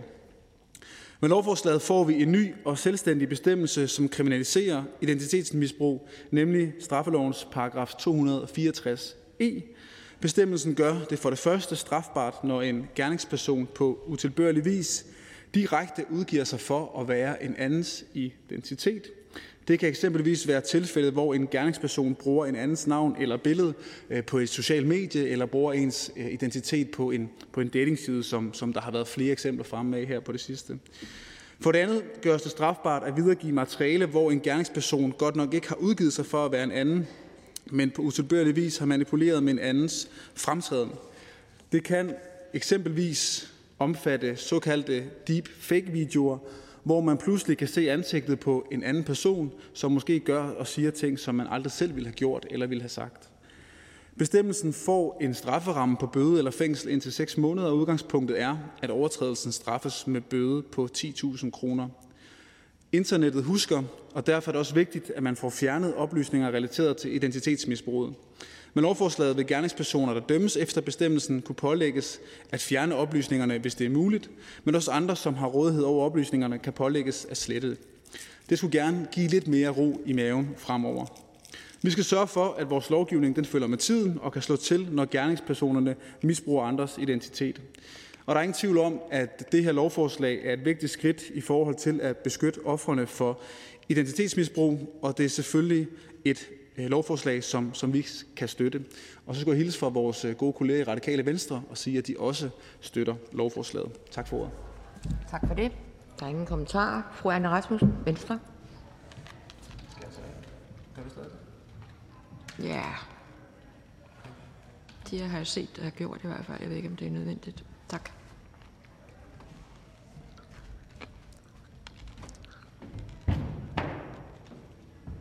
Værsgo. Dette lovforslag handler om kriminalisering af identitetsmisbrug. Og det leder til det helt oplagte spørgsmål. Er det ikke allerede ulovligt i dag? Og her er svaret både ja og nej. Identitetsmisbrug er allerede i en lang række tilfælde ulovligt. Eksempelvis hvis identitetsmisbrug sker som led i bedrageri, hacking eller dokumentforfalskning. Men det er ikke ulovligt i alle tilfælde. Det er eksempelvis ikke i sig selv ulovligt at udgive sig for at være en anden person.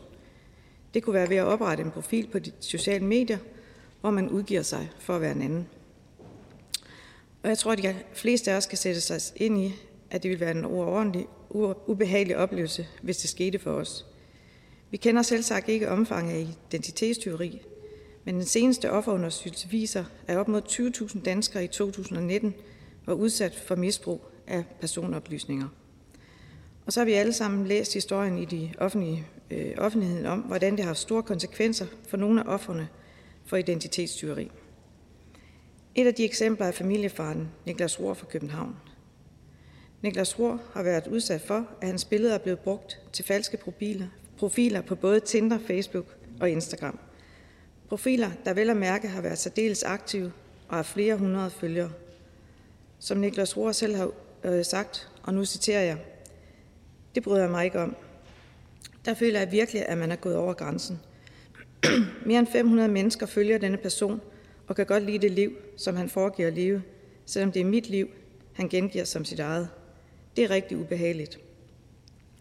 Desværre kan gerningsmanden ikke straffes med den nuværende lovgivning. Derfor er det efter Venstres opfattelse nødvendigt at opdatere lovgivningen, så den er tidsvarende, og så vi har mulighed for at kunne opsøge og straffe gerningsmændene. Venstre støtter derfor lovforslaget og ser frem til udvalgsbehandling. Og på vegne af en borgerlige skal jeg meddele, at de også støtter forslaget. Tak for ordet. Tak for det. Der er ingen kommentar. Så det er fru Liselotte Bækst, Dansk Folkeparti. Nye, moderne tider.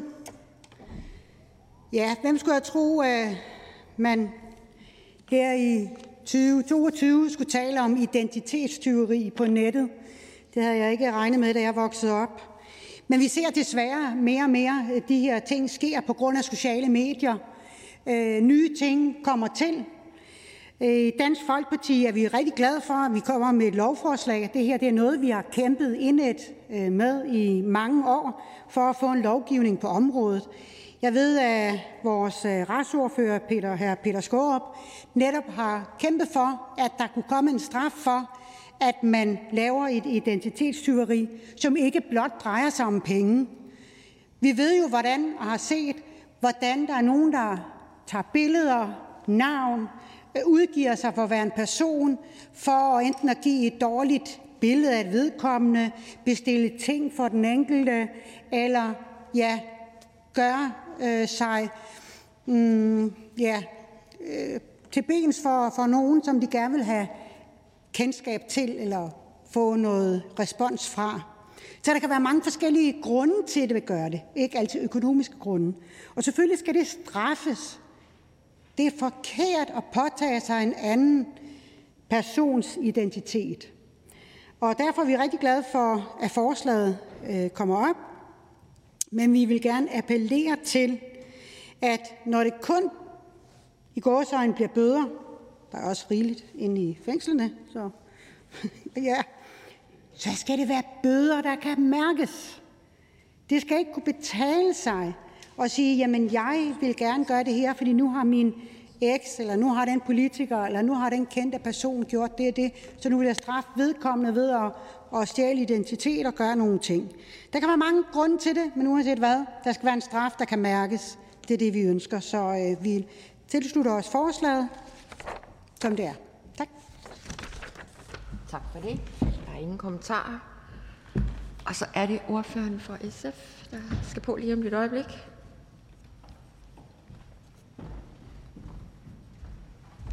Tak. Vores ordfører havde desværre ikke mulighed for at være her, øhm, derfor vil jeg fremlægge hendes tale. I dag realiserer vi et SF-beslutningsforslag, som handler om at gøre identitetstyveri strafbart. Tak til ministeren for at handle på det, og til Enhedslisten og Radikale for at bidrage til flertallet. Når en person udsættes for identitetsmisbrug, er der tale om en for nogen ganske stor krænkelse af privatlivet. I de her sager er offeret ofte helt og aldeles magtesløs over for gerningspersonens handlinger. For offeret kan typisk ikke stille noget op imod misbrug, fordi det ikke er særskilt kriminaliseret i dansk lov i dag. Og særligt ikke, når der ikke er økonomisk motiv. Den situation tager slet ikke højde for, at de digitale muligheder for at give hundredvis af krænkelser rettet mod et offer, der løber spidsråd mellem forskellige myndigheder eller frivillige organisationer for at få hjælp. Det var et tilfælde ved Malte. Måske husker du ham fra DR's historie Malte og de 100 falske forelskelser. Hvis du gør, forstår du også, hvorfor det, det her forslag er vigtigt. En person snuppede Maltes identitet og hans billeder og skabte et kærlighedsforhold til en masse piger. Malte opdagede ved en tilfældighed, at, at det var sket, fordi en ukendt pige konfronterede ham med det. Det var et kæmpe arbejde at optrævle, hvem der stod bag, og han kunne ikke få myndighedernes hjælp til det, fordi det ikke var strafbart. Personen havde nemlig ikke gjort det, gjort det for at få penge ud af, ud af, ud af pigerne, og først der blev det en straf, straflovovertrædelse. Det siger sig selv, at det var et indgreb, en, en indgribende for Malte, og i øvrigt for andre, som udsættes for noget lignende. Kriminalisering, vi, kriminalisering, vi sætter i gang med dette forslag, er først og fremmest vigtigt, fordi den giver offrene en retssikkerhed, som de ikke har i dag. Jeg er glad for, at vi med det her lovforslag er med til at åbne op for en bredere debat og bagsiden ved, ved den stige digitalisering af samfundet. Vi kommunikerer langt mere over de digitale medier end nogensinde før. Det er på mange måder godt, fordi det gør det nemmere at være i kontakt og søge information og dele de budskaber, vi har på hjertet med hinanden. Men digitaliseringen har også skyggesider, som handler om misbrug. Vi har et ansvar for at løbende at tilpasse lovgivningen til det samfund, vi lever i. Det gør vi i dag, hvor vi kommer nogle af de omtrent 60 procent af danskere, som er bange for at få stjålet deres identitet på nettet i møde. Tak for ordet. Tak for det. Der er ikke nogen kommentarer. Og da Radikale Venstre er dækket af Socialdemokratiet, så går vi videre til fru Rosa Lund, Enhedslisten.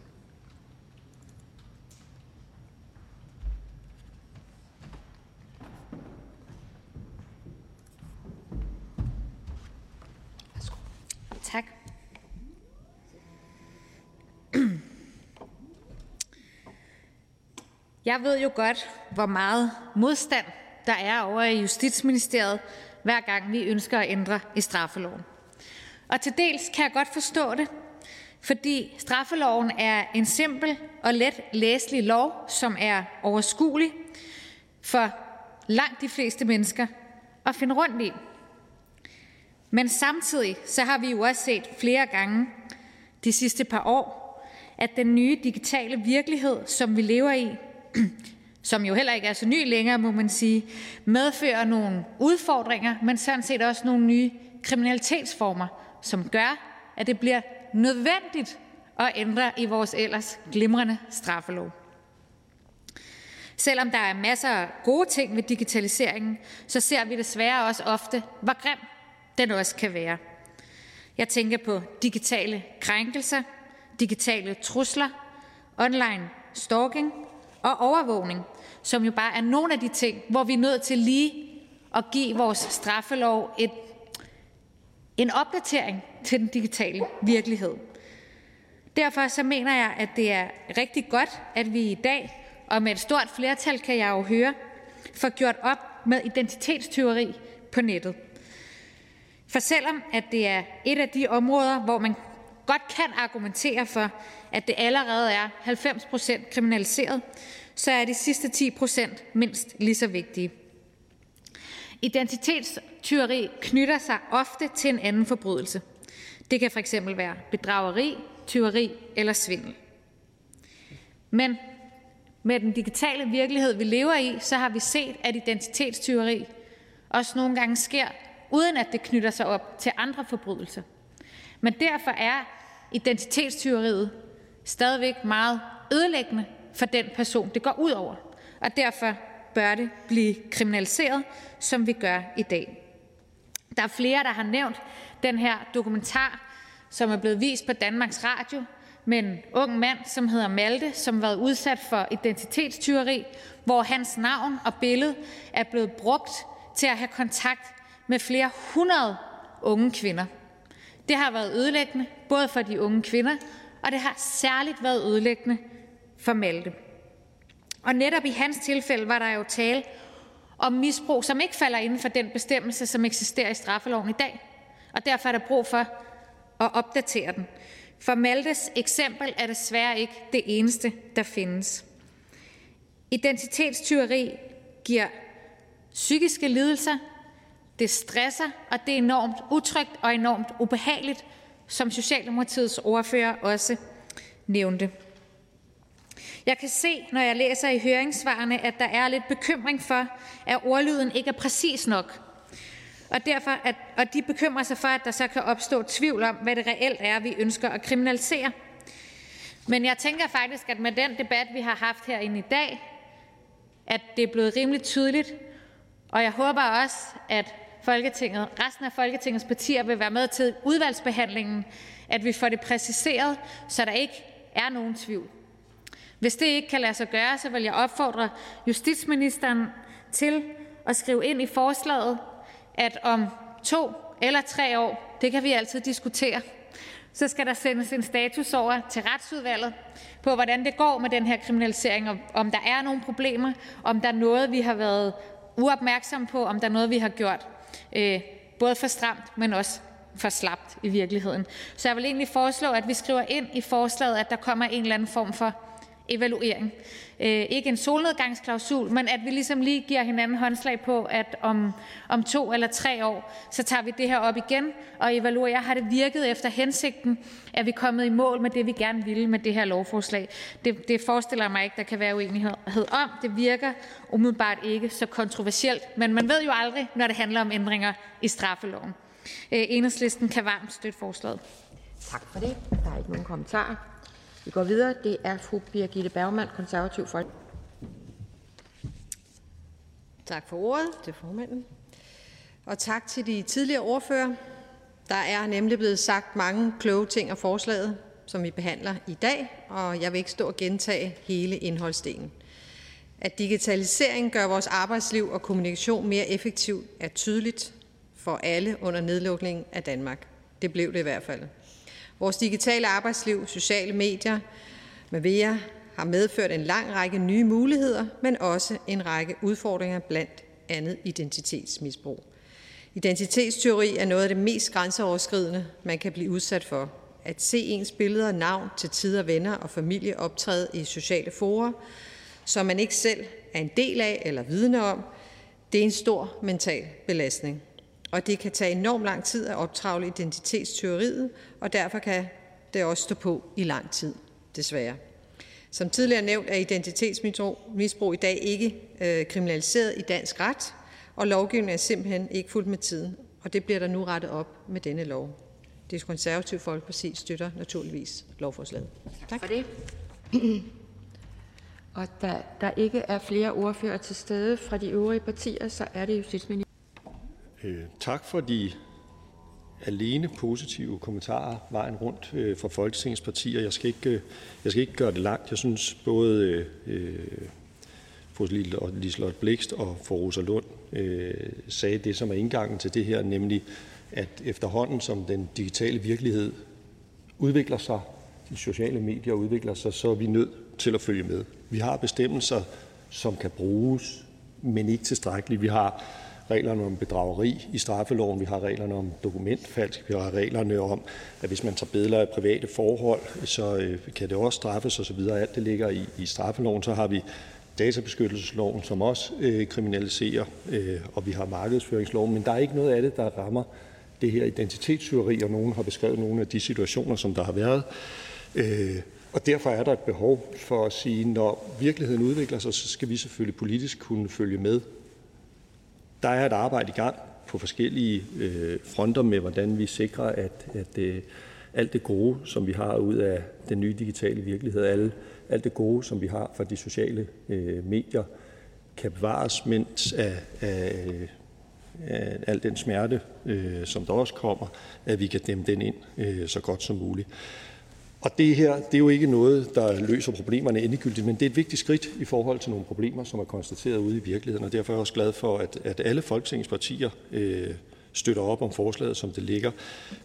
Rosa Lund rejste så spørgsmålet om, øh, øh,